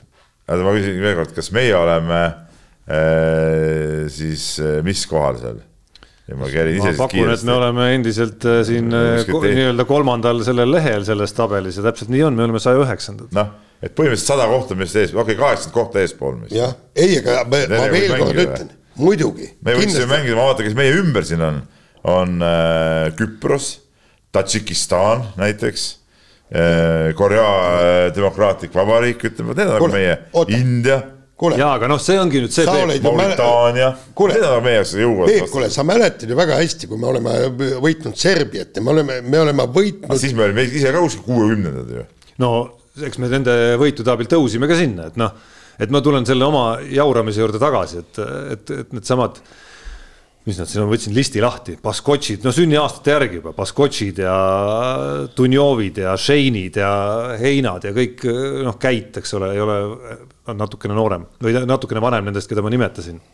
et noh, nendega koos peab see mingisugune nagu nii tabelis tõusmine kui, kui see mingisuguse elev, lisaelevuse tekke, ma arvan, tulema. kui see tabeli, tabel midagi näitab, kuigi see alati midagi ei näita muidugi, siis et ma ütlen Jaanile nagu teadmiseks siin Austria Eh, ümber on siis umbes siuksed eh, kõvad eh, jalkamaad või neist tagapool nagu Tšehhi. no mis kõva see on? aa, ei ole, okei okay., Šotimaa. Šotimaa, mäletad, Šotimaaga me viigistasime juba, mäletad, kui ammu ju. siis äh, Ungari on neist tagapool veel. no Ungari oli viiekümnendatel kõva. Nende ees on, vahetult nende ees on Cameron, Costa Rica, kõik on nagu mingisugused tippsatsid nagu ju, ei ole või? no Roger Milla on ka lõpetanud ammu. on või? minu teada küll kas ta mitte surnud ei ole, aga päris aus olla. ma võin ka eksida, aga, aga mingi, no Serbia kahekümne üheksas, noh. no Serbiale panime ära. ei, muidugi, panime, minu arust Serbiale kaotasime selle. no üldiselt, üldiselt keeruline, keeruline on, vaata, ootame ära need esimesed mängud, siis hakkame mingeid äh, reaalseid hinnanguid andma. aga hea uudis on ka siiski, Roger Milla on täitsa elus. on jah ja.? aga ma mäletasin valesti, kes siis? See on hea uudis jah. see on hea uudis, selle ajasin, hea uudisega on. ajasin mingi uudisega segamini lihtsalt. selle hea uudisega on hea, see. sa. palju vana ta on, mingi seitsekümmend juba? seda on täpselt seitsekümmend jah. väga täpselt, mees teab, mees tunneb Cameroni jalgpalli ikkagi nagu läbi ja lõhki. mäletavad kõik. no viimati ta mängis ju mingi peaaegu kuuskümmend viimati mängis. nii, aga laseme. kui juba huvi pärast vaatamiseks läks, üheksakümmend kuus on ta lõpetanud mängija karjääri. ei no nii hull ei olnud ikka, neljakümne neljani mängis. noh, kuule sinu vanuses? no ma eelmises saates pakkusin sulle siin, sul Keilas oli ju vaja lisajõudu. nagu näha ei olnud, saime me tööta hakkama nii, laseme nüüd kõlli. Peebu meeskonna juurde me tuleme veel tagasi, aga alustame kiiret vahemängu korvpalliga. et ütleme niimoodi, et, ma, et ma, ma, Jaan, ma enne kui sa üldse hakkad midagi rääkima.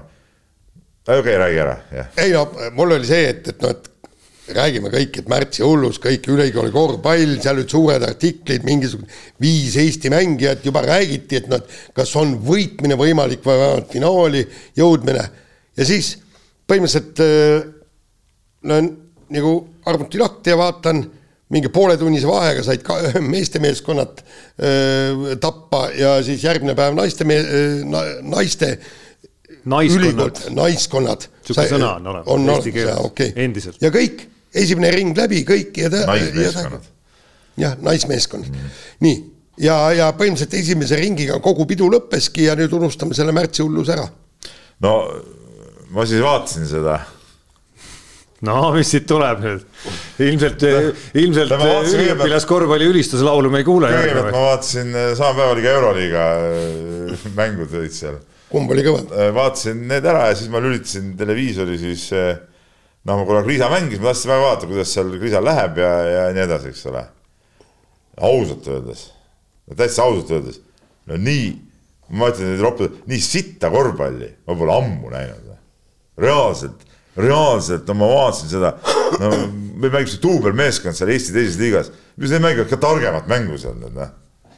see on ebareaalne täiesti noh, see on täielik ju hulluse paradiis ju. no ongi märtsihullus. tähendab, see on nagu, tähendab, see on nagu mina, ma seda nagu seda, ma nägin siis, kui nad olid täpselt, olid ees ju, kui hakkas nagu see Arizona see langus, eks ole, tead noh. no ja siis mitte midagi tehtud, mitte ei toimunud seal rünnakul mitte midagi. noh, paar korda, kui nad mängisid seal pick and roll'ist ilusti, see tubelis tõstis ära, noh, see oli nagu normaalne korvpall, aga enamus rünnakud olid sellised, et sa seisid kuskil kaare taga seal ja jooksid natuke edasi tagasi, suvalisel hetkel põmm pandi peale, tead, noh siis mingid kaelad tulid vastu, panid sisse, eks ole, ja nii see käis ja siis, mis muidugi kõige hullem, seal on ka mingi sada time-out'i nagu NBA-s on ju. ütlesin, treenerid olid päris lollid? Nad võtsid kõik time-out'id enne ära ja lõpurünnakutest mitte midagi ei jäetudki, tead noh, mitte kumbki.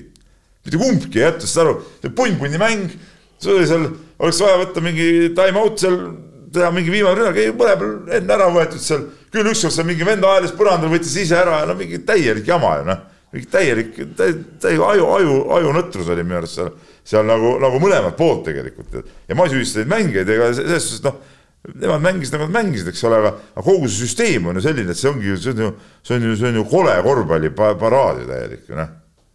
Sa vaatasid seda või? ei, ma seda konkreetselt ei vaadanud, nagu ma nagu mõtlesin hirmus sulle, aga aga ma olen aeg-ajalt ikka vaadanud, loomulikult no.. see, ei ma olen ka varem natuke vaadanud. aga ei, see ei ole kindlasti jah Aga no see oli euroliiga ikkagi- fännina see ei ole kindlasti ei, nagu see see ei ole mingi korvpalli kui sul on valida, kuhu oma aega kulutada siin Eestis sellise korvpallifännina nagu ma ei tea, mina näiteks olen, siis, siis, siis jah, sa vaatad kindlasti euroliiga. ja kui me räägime, et see on nagu, et see on nagu, nagu mingi tippkorvpalli tase, siis tippkorvpalli tasemest on see asi ikka väga kaugel aga noh, seal on ikkagi indiviide, kes järgmisel Ei, aastal teevad on- NBA-s suuri tegusid. muidugi, seal ongi väga, ägedaid indiviide, väga ägedaid indiviide ja, ja, ja küll need meie poisid on ka ägedad nagu, eks ole, aga me ei saa öelda, et nad on mingid, mingid kehvad vennad, asi ei ole selles, asi on selles üldises mängus kui sellises. No seda- mida seda, mida seal ilmselgelt ka siis äh, nagu nõutakse või, või propageeritakse, ma nagu aru ei saa, et, et seal nagu mängu kui sellist nagu ei olegi ju noh. kusjuures sellega ma arvan, haakub ju see mõte, et äh, see Gerg Riisa, keda me nägime näiteks eelmisel suvel mängimas Eesti koondise eest, ei ole üldse see Kriisa, keda me näeme Arizonas ei, ei, ei, ei, see oli,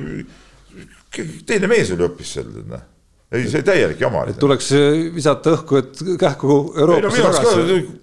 kohe- võiks tulla tagasi, siin tuleks kunn ja tegija ja mängiks nagu kulda, tead noh. see seal oli täielik jama, noh. see, see oli nagu, see oli, see oli kõige halvem korvpall, mida viimasel ajal näinud olen, noh, tõesti. aga noh, huvitav väljakutse on, on nüüd ees, no ma arvan, kogu sellel meeskonnal, see treener, ma kujutan ette, noh, Twitterit ikkagi nagu jälgin omajagu, et mis seal nagu toimub.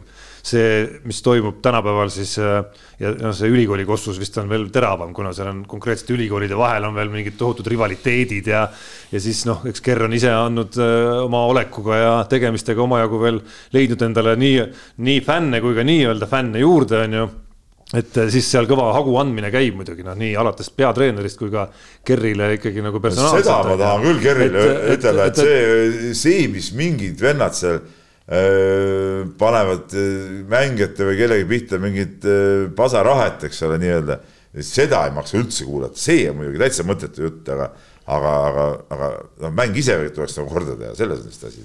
aga noh, see mängu, see küsimus, mida endale peeglisse vaadates küsida, ongi see, et, et kas, kas see hooaeg nagu oli individuaalses mõttes siis areng või ei olnud, on ju.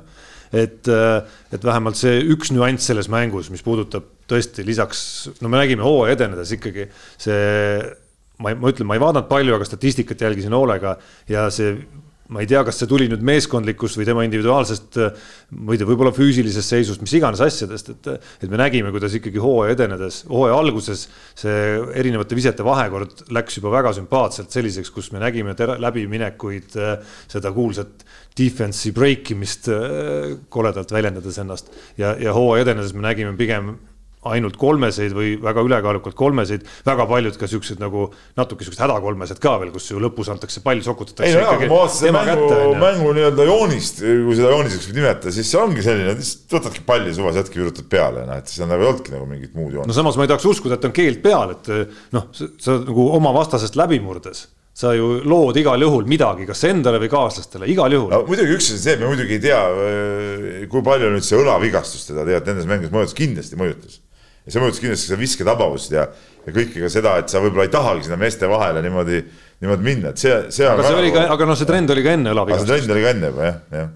et noh, selged arengukohad vaatavad loomulikult vastu, aga õnneks noor mees siit on, siit on kõvasti arenenud, aga ma ei tea, kes peab nüüd arenema järgmises peatükis meie saates kas on juba varakult märtsikuus võimalik välja jagada endale jalga tulistaja auhinna laureaat Eesti spordis sellel aastal ja siis on eraldi küsimus, et kumb ta siis on.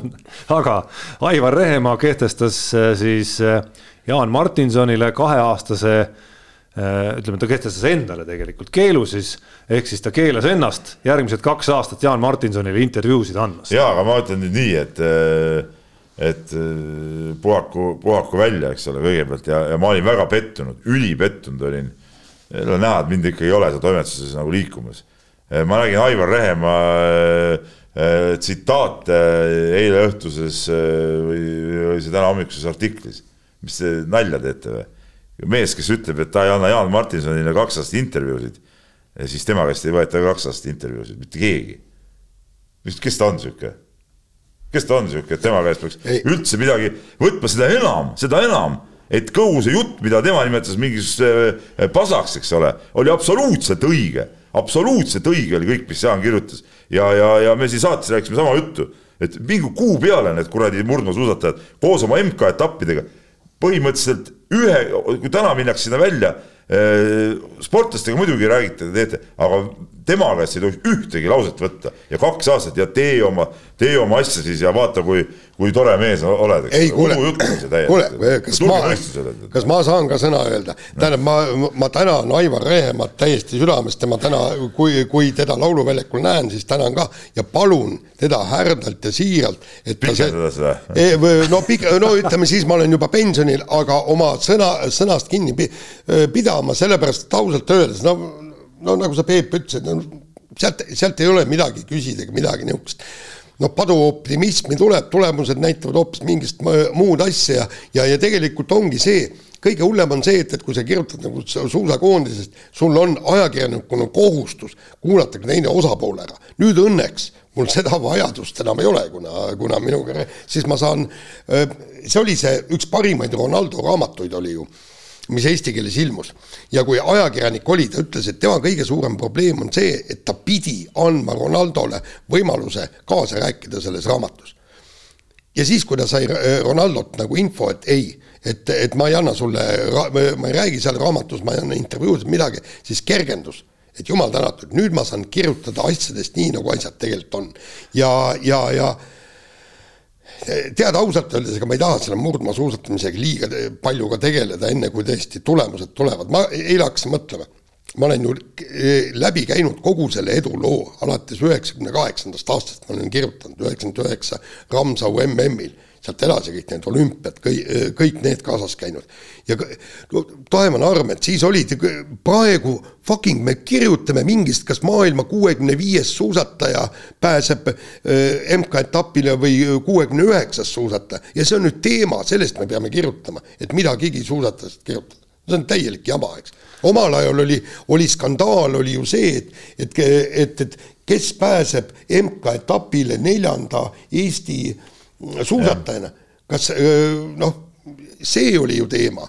teema oli see, et, et mikspärast, et me, meie suusatajad medaleid ei võida, poodiumile ei jõua, ma mäletan, Oberstdorf mm on ju, eks. kõigest neljandad kohad, viiendad kohad, noh ei no lõppkokkuvõttes suur pilt ja teema on see, et keegi, kes natukene sellest aru saab, Suusaliidu või Aivar Rehemaa ümber, võiks nüüd kiiresti talle selle selgeks teha, et, et äh, öelda, et ma ühesõnaga, mida ütleb Aivar Rehemaa sellise lausega, on see, et ma tegelikult ma ei tahagi, et suusatamisest üldse midagi nagu välja teha eh,. Kogu lugu, kogu lugu. ja kui lähete sponsorit ja mis on järgmine samm, on see, et te lähete sponsorite juurde näiteks, et, et noh, kuidagimoodi ikkagi on vaja ju kogu seda tegevust toetada ja, ja kasvada ja nii edasi, on ju, siis, siis on ka teil kaasas treener, kes noh, ütleme pigem on välja öeldud, et ega ta ei taha nagu väga, väga, et see suusatamine nagu pildis olekski no.. ja nagu ma ütlen, see ei, see ei. isegi kui, isegi kui Jaan, ütleme noh, ja loomulikult võib, alati võibki vaielda, isegi kui Jaan tegi liiga, sa tunned seda tohutult, et tegi, siis neelad alla ja kogu lugu, lähed edasi elu no.. ei no ongi ja, ja vaidled, kindlasti, kindlasti ei ole nii, et. vaidled, mölised äh,, kritiseerid äh,, tülitsed, kui vaja ja lõppkokkuvõttes lähed edasi, sest see on sinu huvides. kuidas ei ole Aivar Rehemaa nii kogenud inimesena spordis sellest aru saanud, see jääb segaseks. see on arusaamatu ja ma ütlen veel kord, et kindlasti ei tohi see olla nii, et siis siis läheb, ütleme mingi teine, mingi Eigo Kaljurand läheb roomab seal äh, Rehemaa, ütleme jalge ette ja võtab selle intervjuud, et tutkid pratt, tead noh, ei käi niimoodi need asjad, noh ja no pisut on koomiline ka muidugi see, et no mulle me-, meile meenub siin küll neid. No,. natukene neid, neid intervjuu keelde, ütleme siis Eesti spordis küll. Ja. ja kui ma nüüd panen nagu need nimed, kes oma ka pigem sellises nagu nooremas eas võib-olla ja kuskil selline võib-olla täna enam ei, ei, ei leiaks, et nad nagu väga õigesti käitusid, aga kui ma siis mõtlen, et kes, mis nimed siis on varem midagi sellist mõne ajakirjaniku suhtes nagu teinud ja panen siis praeguse Eesti suusakoondise peatreeneri sinna nagu. ei, mul jääb see ette nagu. ja vaata, vaata, vahe on ka ju selles, mille eest see tehakse, et kui tõesti oleks nii, et Jaan oleks, ma ei tea, no midagi tõesti teinud sellist ja kirjutanud, et ma ei tea, Rehemaa on loll, eks ole, ei saa hakkama, noh, täitsa mõttetu mees ütleme, ei, ei no oota nüüd, noh, täiesti no mõttetu kõik, ütleme nagu isiklikult niimoodi läheb nagu ründab ja, ja, ja, ja, ja ütleme tõesti võib-olla ebaõiglaselt nagu läheb peale, siis ma saan sellest peale aru, aga praegult oli ju küsimus ju selles nagu Suusaliidu tegutsemises, mis nagu see ei ole nagu see, et Rehemaa eh, ütleme nüüd, et ta nüüd nagu toetab seda Suusaliidu otsust, see on nagu, see on nagu teine asi, see ei, see ei puutu ju sellesse, et. no eks see oli Rehemaa otsus ka siiski no,, saame aru ju kõik. no jaa, aga no halloo noh see on, see on nagu teine asi, see on, see on olukorra kirjeldus ja see, see ei ole, keegi ütelnud, et Rehem on nüüd see või too on, too on selline, eks ole. et, et noh, see on aru, arusaamatu. ja ma, ma olen si-, ja ma olen siiamaani seisukohal, et need laskesuusatajad Kalev Ermits ja Raido Ränkel oleks pidanud sealt startima no,. loomulikult, me, me kõik oleksime. ja, ja, ja, ja, ja, ja palun. kui olid tehtud sellised statuudid, siis jah ja.. statuut oli olemas ju noh, ja, ja, ja, ja see. kui ei see..., oleks võinud kohe öelda, et meie statuut on see, et me ainult oma mehed ja kogu lugu. olgem ausad, see õnnetu suusaliit Äh, no nii. see õnnetu suusaliit, äh, me nagu... naerame, sest meil üks mingi imelik äh, ametunud noormees vaatas stuudio ukse vahelt sisse, aga meil punane tuli ei põle seal, kes jättis panemata. nii, Rubilniku mehed jälle ei olnud ülesannete kõrgusel, nii. ta nägi välja natuke nagu seal no minu lapsepõlves oli Leopold ja kõige suurem sõber, seal ka ukse vahelt, vahel piilus üks tüüp, tegi mingit anekdoodi, see oli, highlight oli kogu ta aeg. ta oli nagu kohmetunud noormees oli nagu natuke. Ta on meie kolleeg tegelikult. ei, ta nägi meiesuguseid. Taavet oli ta. ei, ta nägi meiesuguseid, ütleme, ütleme prominentseid eh, võimsaid tegelasi lava taga istumas, loomulikult see võtab ikkagi noorel mehel. jala nõrgaks. jala nõrgaks, see on selge, ma arvan, et ta praegu lebabki seal ukse taga, et jõudis ukse kinni lükata. nii, ja mul läks kohe meelest ära, mis ma rääkisin, et Reem. vahetame teemat. las ta olla, vahetame teemat.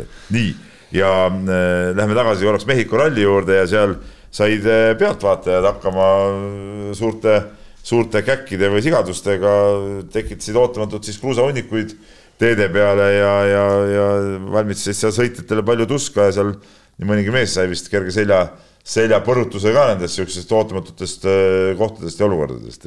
no ütleme niimoodi, et need pealtvaatajad on tegelikult, nad nagu ei saa aru, et millega millisesse olukorda nad neid sõitjaid panevad. et, et, et see on, see on eluohtlik see, kui sa teed mingeid künkaid või kunagi ammu-ammu oli ju see, et, et isegi tassiti mingi kivi sinna tee peale. aga see oli mingi üheksakümnendatel et, et see oli täielik kaputsus.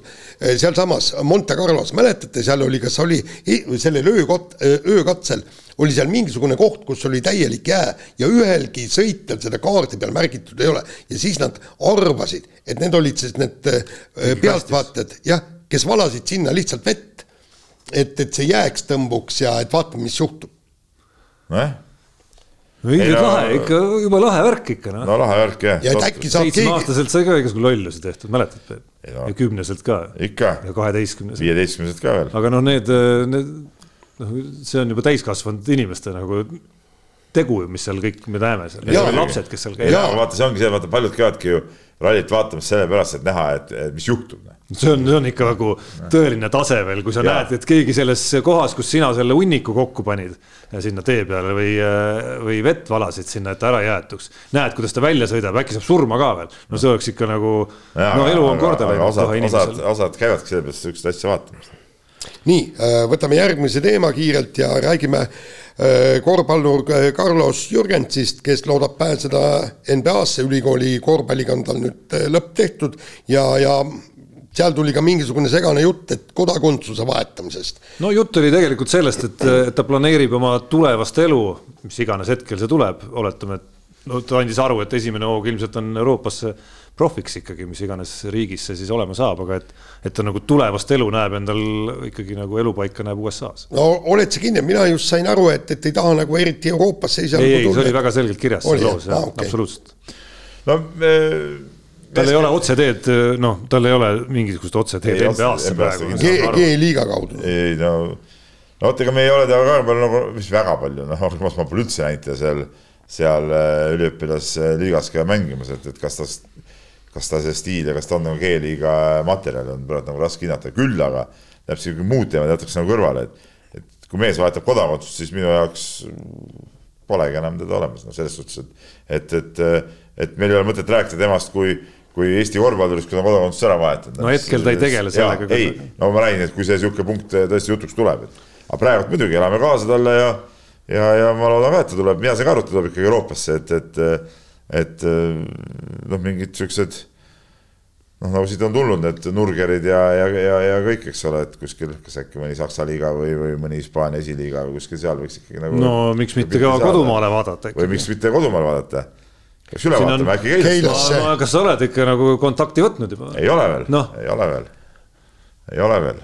ma arvan, et sa oled kui sa seda näiteks täna teed pärast saadet, siis sa ei ole esimene Eesti klubi, kes temaga on kontakti. no ma ei tea jah, ja noh, ta on, ei oska ütelda, Ameerikas on rikutud võib-olla nii et Carlos, kui sa kuulad, kui sa tahad oma karjääri saada õigetele rööbastele, siis sa helistad ise Peebule pärast saadet. No, see... meil läheb siin umbes no, äh, meil läheb siin no ütleme sihuke paarkümmend minutit maks ja. ja siis võid rahulikult kõne peale tõmmata. ja no siis me nägime, kuidas üliõpilaskorvpall käib, et no seal tuleb nende poisid tuleb õigele rajale tagasi juhtida. et siin on ju näha, mehed, me sujuvalt läheme ja. rubriigi nädal Keilas juurde, siin on näha, kuidas noh, võta, et võtta Mate Radunitši näide endale, Carlos äh,. No, nagu ette, nagu kuidas on tehtud ikkagi mehest eliitmängija, kes ma arvan, tema läheb NBA-sse võib-olla varsti. tema võiks küll minna jah, jah. tema läheb Euroliigasse, ma arvan. no kuule, paned siis siukseid pirre, noh. kui see on rohkem kui Tanaka Birdis Euroliiga rekord. on see ikka Tanaka Birdi nimel siiamaani või? See Pirri rekord. Pirri rekord, mis see Pirr oli? Äh, ei no Radunitš oli kuuskümmend. ahah, ei, vist on kuuskümmend üheksa vist äkki isegi Euroliigas. ma võin eksida. pikka aega oli tal Nokka Birdi nimel see mingisugune nelikümmend või viiskümmend midagi või? Eesti, Eesti oma või? ei, ei, ei, ei, jah, las ei noh, okei, las ta olla. Most Pirrine game Euroliigas on kuuskümmend kolm, ta on Okkapöörd. aa, ah, kuuskümmend kolm, nii et ah, play, see jätta Tartu seeriasse. siis, siis see jääb Tartu seeria peale jah, okei okay. ja.. kasutegur siis oli kuuskümmend kuuskümmend. kuuskümmend ja, ja siis eh, palju siis oli? nelikümmend üks punkti. nelikümmend üks punkti, jah. see on, nagu kordas seda ja. siis no, liiga rekordit. no aga miks Vaata. ta rekordit ei teinud, miks ta ainult kordas? Äh, no, no kuule, Jaan Talts ka ju ju läks nagu grammi haaval nagu nende rekorditega edasi, ega ei ole mõtet ju kohe paugutada, ma ei tea, kaheksakümmend punkti. oota, ootame play-off mänge. muidugi, noh. et peab nagu nälg sisse jääma, see oligi, ma ei lasknud tal piisavalt nagu mängida, et see nälg, nälg jääks nagu sisse. vot see on suur, suur ja. strateegia ikkagi. küll aga Peep, ei ole seda suurt strateegi sinus olnud näha, kui meenutada, et hooaja algul käis sinu satsis mees nimega Richard Laku, mängis ühes mängus ka kuuskümmend seitse sekundit. Äh, siis sa saatsid ta minema ja nüüd ohohoo, Laku on mängimas koos endise NBA staari Dwight Howardiga Taiwanis. no sul ikkagi talent jäi nagu märkamata. meil on või meil on meeskonnas väga palju juttu. ma olen muidugi sellest... kuulnud ja lugenud mingeid ja näinud ka mingeid klippe sellest, eh, kuidas, mis seal Dwight Howardiga Taiwan'i liigas toimub, et see. aga nüüd on see ju, täna siin..., täna ma nägin Twitteris või oli see eile õhtul puskles seal ühe Kanada mehega. üks asi on pusklemine, aga ma mõtlen see, mis mängus toimub. ja, ja ma mõtlen seal. kui sa siin üliõpilaskorvpallist rääkisid äh,, rääkisid nagu pika jutu maha, siis, siis no see on ikka raju. ei, see, mis ma tahtsin, aga Richard Laku kes ise nimetas, kui oli Keilas ennast meeskonna kõige paremaks mängijaks muidugi. õige, õige. ja üritas äh, vähemalt kaks korda trennis algatada kaklust äh, Radunitšiga. nii et ma pidin neid äh, ühe korra seal lahutama, teist korda nad veel ka oma kabinetti kutsuma ja ähvardama mõlemal palgakärpe teha, kui, kui sihuke asi veel kordub no ütleme, et tuleb Peep võib-olla siiski, ma ei teagi nüüd jah, et tuleb vist ikkagi nagu anda sulle kiitust selles mõttes, et sa õige mehe ära saatsid. no tähendab, ei no loom, loomulikult noh, ütleme meeskonna sisekliima, ütleme õhk läks kohe puhtamaks nagu, nagu sõber, sõber Andres Sõber armastab ütelda, eks ole, aga. no sõber muidugi, ma kuulsin see... ühes saates kuu aega tagasi oleks Radunitši ka ära saatnud juba. no see, see selleks, aga Lauko oli müstiline mees, ta oli selles mõttes müstiline mees, et, et ta oli iga kord umbes tund aega enne trenni algust oli kohal, ta elas tervisekeskuses meil seal hostelis ja oli kohal ja siis tal oli oma pall. ja siis ta oma palliga põrgatas kogu aeg, kogu aeg põrgatas niimoodi no.. ja siis ükskord selgus, et see ei olegi päris pall. et see on nagu mingi topispall või sihuke raske pall. ja see raske palli kogu aeg põrgatas ja siis äh, minu arust korvpallis kõike näinud äh, abielu Üllar Kõrd küsis ta käest, et kuule, aga, aga miks sa teed seda siis ta ei osanud nagu seletada, miks ta seda teeb. lihvis oma põrgatusoskust aga Üllar arvas ka, et sellepärast on see põrgatus ongi nii vilets, et ta sellega teeb, nii raske palli, seda põrgatust nagu ilma randmete pärast nagu tavapalli andsite talle siis äh,, andsite talle õige palli siis või, et kas te treenerina ikkagi tegite selle nagu korrektsiooni tema ei, nagu et, et, elu käigus, et andsite talle õige palli? et trennis andsime talle ka õige palli. aga ma mõtlen nagu ka selleks tund enne trenni, kuule, hakka nüüd ikka nagu inimeseks. seal tundus, et tal oli ikkagi mingisugune, mingi oma kiiks. keegi oli öelnud talle. aga, aga, aga see, et ta nüüd sinna liigasse, ma ei kujuta ette, kas palju seal palka saab või, no seal peab hea palk olema, kui Hovardi-sugune mees mängib seal. no eks seal mängib palju muid mehi ka. no seda küll, aga Gerd. Kullamäe siin rääkis, rääkis oma podcast'is siin alles, ma ei mäleta, mis eksootiline liiga see oli, kus oli äh, selline reegel, et sa tohtisid ah,, Filipiinid, ei, ei, ei olnud, Filipiinid see ei olnud. et sa tohid kaks välismaalast võtta, nende peale on äh, ette ja. nähtud mingi üks kindel palgasumma, kui nad kokku võivad saada, see on üsna väike. ehk siis sul on näiteks mõistlik, oletame, et see on näiteks viis tuhat, sul on mõistlik võtta näiteks nelja tuhande üheksasaja eest nagu mingi päris mängija ja siis saja, ja siis saja eest ja söögiraha eest võtad mingisuguse siukse noh, ma ei tea, minusuguse põhimõtteliselt eh, oskuste, korvpallioskuste mõttes. aga Laku siis eh, meil jõudis mängida siis hooaja avamängu, noh ta mängis kontrollturniiridel ka ja siis juba tead, kui mängisime seal Rakvere kontrollturniiril, siis eh, Martin Müürsepp ja Andres Sõber istusid ka tribüüni peal ja kui ma nendest mööda sõitsin, noh selle musta mehe vist võib ju ära saata ütlesid kohe kõrvalt, aga ei, ma andsin talle siiski võimaluse. mäletan, kuidas mängis... mees vaagis siin lõunasöögi ajal isegi vaagisime siin ja, ja avamängus siis äh, Läti ülikooli vastu pääses mees äh, minutiks ja mõneks sekundiks platsile. selle aja jooksul äh, tehti ta vastu kaks korvi kohe kergelt, ta kaitses üldse mängida, tähendab, selles suhtes ta sobib siukses liigas, kus kaitset üldse ei ole. ja siis, siis me otsustasime, et ei, me ikkagi nagu temaga lõpetame ära. ja siis ta maandus ju see oli vist Kosovo teise liigasse. ei no alguses me said aru, see teine liiga on. Äh, vaatasime mingid numbrid äh, kuskilt, oh, me, ah, ta pani ise kuskil üles sotsiaalmeediasse mingi kakskümmend viis punni. Neid vist netist ei leia, otsides. lauda, ei, ei netist teavad, ma kohe räägin. ja vaatasin, ossa pagan, oli, äkki oligi kõva mees.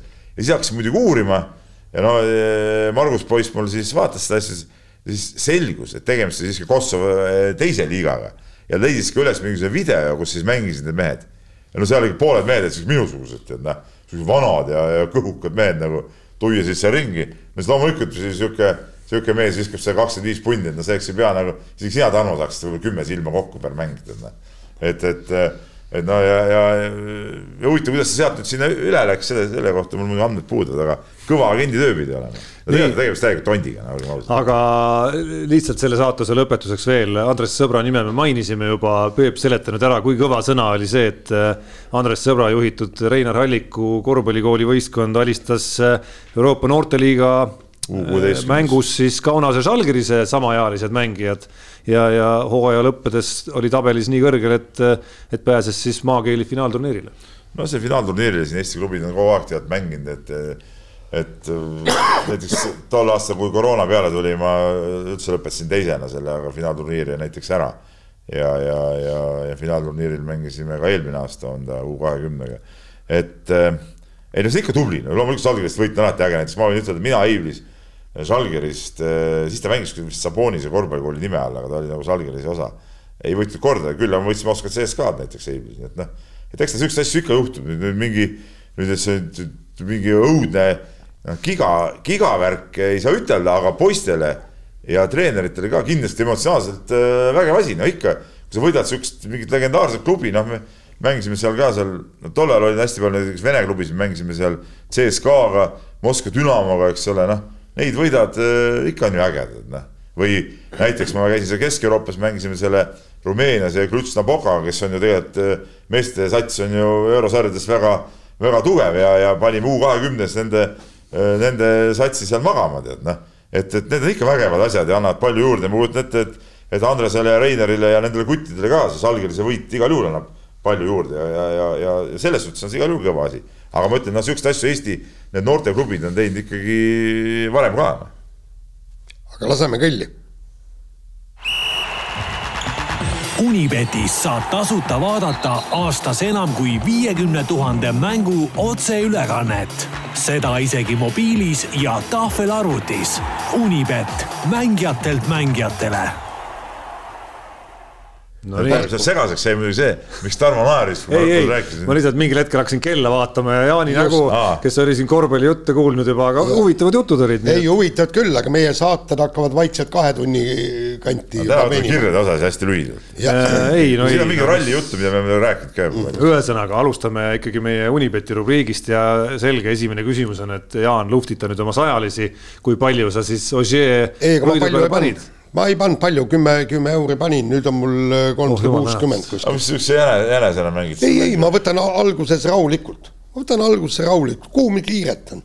ei ole, ma räägin võtame alguses rahulikult. tark ei torma. jah, nagu Peep.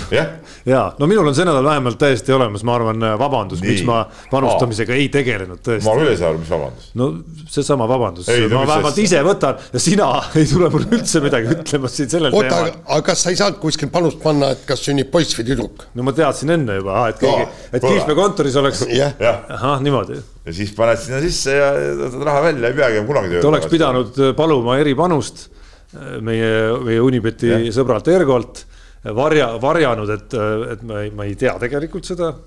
kuigi ega sa lõpuni ei tea ju kunagi. ja, ja välja tuleb, selgub lõplik. äkki, äkki, ütles, äkki, äkki noks oli peidus kusagil. nii nagu ütles, äh, kas seesama doktor Joyce vist või? Äh, kellelegi oli öelnud, kelle puhul algul ütles ühte ja siis mingil järgmisel uuringul ütles teist ja need olid siis erinevad, on ju, ja siis, kui vanemad hämmeldunult olid meie peretuttavad, olid öelnud, oot-oot, et pidi ju nagu tüdruk olema, on ju. ja siis järgmisel uuringul selgus, et on poiss ikkagi. siis ta ütles, et nii, enne oli prognoos, nüüd on diagnoos ah.. või noh, teine see, et igal juhul on viiskümmend protsenti läheb nagu täppi, eks ole. noh, et tõenäosus on viiekümnene, noh. no vot, aga kirjade juurde kirjade juurde ja, ja, ja Marti on meile kirjutanud ka vana, vana tuttav kellega oleme koos eh, Okit eh, eh, mänginud ja, ja jutt läheb siis ütleme meie, meie, kuidas ma ütlen siis füüsilise laste ja, ja üldse inimeste füüsilise koormuse ja, ja, ja, ja, ja sihukese seisundi juurde ja, ja kirjutab siis nii, et see tugineb ühel Postimehe arvamusartiklil, eks ole. ja, ja kirjutabki nii, et kui kaua, nii nagu reaalselt, et kui kaua peab seda juttu rääkima, mida mehed ei nuta, on vist sada aastat rääkinud. või kui kaua see teie saade jooksud ongi, no päris sada ei ole, aga päris kaua, ma ütlen vahele, nii. valimistsüklid on küll juba hulgim, kui me teame, et meie noored ja meie rahvas on suurema liikumisvaeg-, suuremas liikumisvaeguses ja üha kehvemas kehalises vormis. kas te suudate kolme peale igaüks meenutada ühe asja, mida valitsused viimastel aastatel on teinud, et seda olukorda otsustavalt muuta. no ta ütleb küll, et olgu ebareaalne küsimus oli ei no jaa, aga. kolme peal ühe asja suudate nimetada? ei, ei no mis tähendab, siin ongi kogu küsimus, küsimus on ju see, et, et kui nad räägivad, et, et nüüd me paneme lapsed liikuma sellega, et me viime liikumise kooli. no ühesõnaga, nad on midagi teinud, kusjuures ma si siiski ütlen ka, et, et ma nägin ühte, ühte seda uudislõiku Aktuaalses Kaameras, kus oli hirmäge koolis oli tõesti need liikumisrajad või, oli see vist kool või lasteaed? ei no kui sa kohtadele lähed, siis sa leiad ja. igasugu toredaid kohti, no ma ütlen seesama Aruküla, et mis on toimunud, kui sinna on tekkinud see staadion, kus on erinevad ja. tõesti väga palju erinevaid kohti, ramp mm. on seal kõrval kuskil. et siis mida, mis, mis probleem siin on tekkinud juba viimastel suvedel, on tõesti pigem see, et kuidas pimeduse saabudes äh, nii-öelda lapsed sealt ära saada ja mitte, et okei okay,, seal on kindlasti on olnud probleemseid juhtumeid ka, et mõni seal tahab natuke võib-olla teha, tegeleda asjadega, mis poleks pole ette nähtud, aga on, on ka reaalselt seda, et ongi noored tahavad kossu veel pimedas mängida, näiteks veel Kossu platsil on ju. et ja, ja reaalselt ma näen suvel, suviti eriti, kuidas nagu ongi, staadion on täis tegelikult lapsi, noh, et aga, aga Marti ei küsi minu arust niivõrd nagu seda, vaid seda, et kas kuskilt süsteemselt ütleks isegi seadusandja poole pealt, kuskilt sealt äh, valitsuse ja Riigikogu poolt on midagi nagu tehtud, mis ei, väga ja, selgelt meenuks. mulle ei meenu sellist asja ja, ja tegelikult. ma ei tea, äh, kasvataks kehalise tundide arvu ja, näiteks õppekavades küll, väga selgelt ei ole näinud. küll, aga ütleme vastupidi, on negatiivselt vastu töötatud kõik selle uue kehalise õppekava raames. ära hakka Jaan ajama. Nemad arvavad, et see, see paneb lapsed liikuma. see on täielik pask. no muidugi on pask. no isegi jättes kava kõrvale ma arvan, seda saab debateerida nii ja naapidi, siis ega tundide arv jääb ikka samaks. ja me näeme seda, kuidas see, see ju koolipõlve käigus, see ju kahaneb mm.. ei no ma räägin, ma näen ju näiteks, võtame sama Keila näite, ma noh, teen seal hommikuti trenni, ma näen ju, mismoodi see on. ütleme, osad siis kooli, lapsed käivad siis tervisekeskuses kehasunnis, kuna kõik ei mahu ära, eks ole, sinna koolisaalidesse no siis ütleme, kui on üksiktund on ju, nii, siis nad tulevad. kuniks nad panevad riidesse, on tunnis kulunud juba kümme minutit, jõuavad sinna saali. no siis nad teevad seda tundi seal üks kakskümmend minutit, kakskümmend viis minutit. ja siis lähevad juba alla, sest on vaja uuesti riietuda, jalud tagasi kooli, et jõuda siis järgmist tundi. ja no kuule, kui sa teed isegi kaks korda nädalas see kakskümmend minutit, see on nali nagu. ja siis paneb ära, ära üldse teed, et seal ei ole nagu, sellisel tunnil ei ole mitte mingit, mitte mingit mõtet. Et, et äh, need peaks olema kas topelttunnid, kaks korda nädalas topelttund, no siis on asjal nagu mingi mõte, et see, et see kooli kehalise tund peab olema nendele lastele, kes kuskil trennis ei käi, trenni eest, see peab olema trenn, mitte sihuke uinamine seal, eks ole, et ma tulen ja midagi siin teen, haigutan noh, siis tegelen selle ihihi ahaha. No, trenn, üks on trenn ja teine asi on see, et see, mis võib sind viia erinevate harrastuste juurde, mis sulle hakkavadki meeldima. alates äh, kuuekümne meetri jooksust ja kaugushüppest äh, rööbaspuude kuni ma ei tea, diskgolfi või päris golfi proovimiseni näiteks. ja, ja, ja, ja teine asi, noh, me arutasime ka abikaasaga siin, no vot seal, äh, seal oligi jälle kaheksakümmend protsenti ju ei suuda seda NATO testi ära teha nendest, kes, kes lähevad sõjaväkkes nii, ja, ja, ja siis oligi üks artikkel, et ei, et me ei saa ikka lapsi sundida, et me peame, et, et see liikumine peab olema ehe rõõm ja kõik ta-ta-ta. andke andeks mina käin ka ju, käime naisega hommikuti mere ääres jalutamas, lähen siin töölt koju läbi Kadrioru, kõik nii. saage aru, ma sunnin ennast see ei ole nii, et, et ma tõusen äh, diivanilt üles ja, ja lähen rõõmuga sinna mereranda, ei, seda on tore käia, aga see on ikkagi sund ja needsamad lapsed, keda me praegu ei sunni, nad sunnivad ennast ühel hetkel ise kõike seda tegema, kui tervis on väga käest ära. see on ikka nii või naa sunniga seotud jah, no mida on küll mina tajun, et äh, minu arust noored lähevad ise aina kuidagi nagu teadlikumaks ka nendes küsimustes, aga, aga kas see nagu suurt pilti selline nagu muutus kuidagimoodi väga palju muudab, siis ma ei, selles ma kindel ei ole. ma ei tea, minu arust noh, kuidagi nagu teadlikkust tervise suhtes, une vajalikkuse osas, võib-olla ma võtan mingite väga konkreetsete noorte pealt neid näiteid, aga, aga mulle tundub, et seda teadlikkust nagu on nagu palju rohkem, mis iganes äh, nii-öelda nagu eluvaldkondade kohta on ju. aga, aga, aga, aga noh, tulles Marti küsimuse juurde tagasi, siis ega me siin ei mõtlegi välja. ei, me ei, me ei mõtle seda, seda välja nii. ja ühtegi asja, mis no, oleks pigem, kasuks tulnud. pigem ma näen ka koolides seda, et nagu tehakse kõik selleks, et ikkagi lapsed võimalikult vähe võimalikult vähe spordisaalis viibiksid, asju teeksid, näiteks võtame sama Keila kooli, noh. kuidas saab nii olla, et kooli vaheajal näiteks üks, ütleme, see on küll nagu aeg, kus ütleme, võiks ka noh, võib-olla rohkem trenne teha ja asju. ja siis kooli direktor otsustab, et ta paneb ühe võimla kinni lihtsalt terveks vaheajaks. lihtsalt paneb kinni. no see on nonsense ju. no kurat, see on ju ajuvaba täiesti mm.. ja siis sama kooli direktor kuskil ise mingi saalijoki mängus pani kellelegi kepiga vastu pead, noh, see on tore mees. aga muide. okei okay,, kuskil on kool, kuskil on need kõik huviringid, asjad ei no, nendes, aga see, see vaheaeg nendes, ongi, ei ma tulen Marti. see vaheaeg ongi selline aeg, kui, kui sa saad neid huviringi asju, et lapsed nagu liiguks rohkem, mitte istuks kodus. see nädal aega seal kuskil äh, arvuti taga. ei, ma tulen lihtsalt Marti küsimusele tagasi, et kas, kas on tehtud midagi, mis nagu kuidagi soodustaks. ei ole midagi tehtud. kogu seda huviringindust ja seda poolt seal käimist. kuule no,, kui valitsus kõik ütleb, et see, et nende asjade rahastamine on kohaliku omavalitsuse rida kohalik omavalitsus mingit raha ei ole seal, et asju paremaks teha, siis nii ongi, no siis siis ei tulegi midagi. oota, Peep, äh, kas sina mäletad, kuidas teil oli, mina, äh, ma olin ju kolm aastat töötasin ju kehalise õpetajana kuueteistkümnes keskkoolis. ja me, nii palju, kui mina mäletan, oli seal ju nii, et koolivaheaegadel pidi olema teatud tunnid võimla lahti, seal pidi olema kehalise õpetaja. kui lapsed tahavad tulla palli mängima, siis peab see võimalus neil olema. minu meelest oli ja see oli siis, ma ei tea, kas linna või riigi käsk et selles mõttes, et, et lapsed ei vedeleks vaheajal kuskil ringi, aga tal oleks sportimisvõimalused olemas. no samas ja, ma ei tea, kas nad suvel väga sinna saali nagu. ei, ei, ei, ma räägin praegu. ja, ja, just, just, ja jutt ei käi.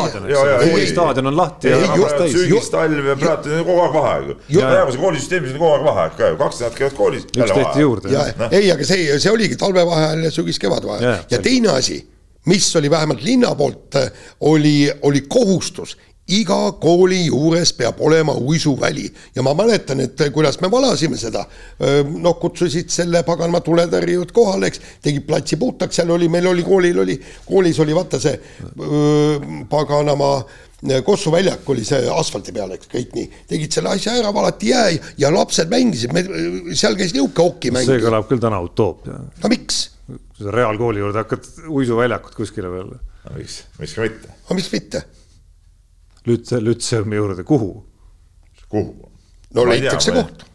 No, ei, aga okei okay,, no ma räägin. ei, no okei okay,, uisuväljak ei ole ainus asi, mis soodustab äh, sportimist, et on palju-palju asju, erinevaid kohti, erinevad võimalused on ju. aga, aga, aga minu meelest jällegi. No, see, see topelttunni näide, noh, kasvõi mingi maakooli näitel, sul ei pruugi, oletame, et on lumerohke talv sul ei ole, sul ei ole seal see suusarada näiteks Aruküla näitel on siiski korralik suusarada, asub ikkagi nagu natuke kaugemal. aga kui sul üksik tund on, sa ei jõua elu sees sinna, noh, sa põhimõtteliselt jõuad kohale sinna minna ja siis tuled kohe tagasi. selles ongi ju asi, aga sellele kehalisele tunnile ei pööra ju mitte keegi tähelepanu. kogu aur läheb ikka sellele, et, et muud ained oleks ja. kuidagi viimase vindini krutitud. ja, ja kusjuures ma mäletan, kui mul poiss koolis käis, seal oli ka, et talvel olid suusatunnid, aga kuna ta käis niisuguses koolis, kus seal suusaradu lähedal ei olnud oli uisutund. Ja, ja kool oligi teinud suure ja korraliku liu välja ja, ja tund, kehalise tund oligi, uisud jalga, läks, poisid mängisid okit, sõideti, õpetati uisutama, kõik nii, nad vähemalt liikusid need nelikümmend viis minutit ikka väga intensiivselt. et nii, niisugust asja ei ole, et, et ei saa teha, eks, saab küll, kõike saab. Ja, ja ma veel kord ütlen, et minu meelest on see kõige tähtsam asi, kes meid äh, kaitsma hakkab kui meil on ainult kakskümmend protsenti on suutelised ära tegema NATO testi. see on siis öö, kätekõverdused, meestel enam ju lõuatõmbeid ei ole, on kätekõverdused nagu naistel. eks siis kõhuliast harjutus pluss siis kolm koma kaks kilti jooksu kui kaheksakümmend protsenti põruvad läbi. Ja, ja, ja seal ju ütles seesama, kes Palm või kes, kes ütles niimoodi, et ta ei suuda, ta ei, ta ei suuda relvagi kanda, kui ta seda ei ole ära teinud, ei ole võimeline Eestit kaitsma. kunagi ammu oli ju see, ma mäletan, üheksakümnendate alguses oli, olid testid, poiss tuli sõjaväkke, vaatame, milline tema füüsiline vorm oli. Ja üks test oli saja meetri läbimine kahekümne viie, viiekümne kilose kotiga kott selga ja see siis peegeldas oma kaaslase äratoomist lahinguväljalt, see oli konkreetselt hädavajalik äh, harjutus. õpetati, kuidas kott selga, sa pead suutma selle haavatud kaaslase lahinguväljalt nii, aga ühel hetkel muudeti ära ja põhjus oli mis? lapsed äh, või need noored ei suutnud viiekümne kilost kotti lihtsalt äh, maast üleski tõsta, rääkimata selga võtta. ja, ja, ja oligi nii ja minu meelest see koti tassimise harjutus peab olema kohustuslik. kui sa sõjaväes oled, sa pead suutma selle sada meetrit läbida selle kotiga, võimalikult kiiresti, sellepärast tagant tulistatakse. ja see on realism. nojah, aga saadame nüüd kõik siis eh, koti tassimist harjutama ja tõmbame otsad kokku. just, lõpetame sellega saate ära ja kuulake meid järgmine kord. mehed ei nuta. Saate tõi sinuni Unibet, mängijatelt mängijatele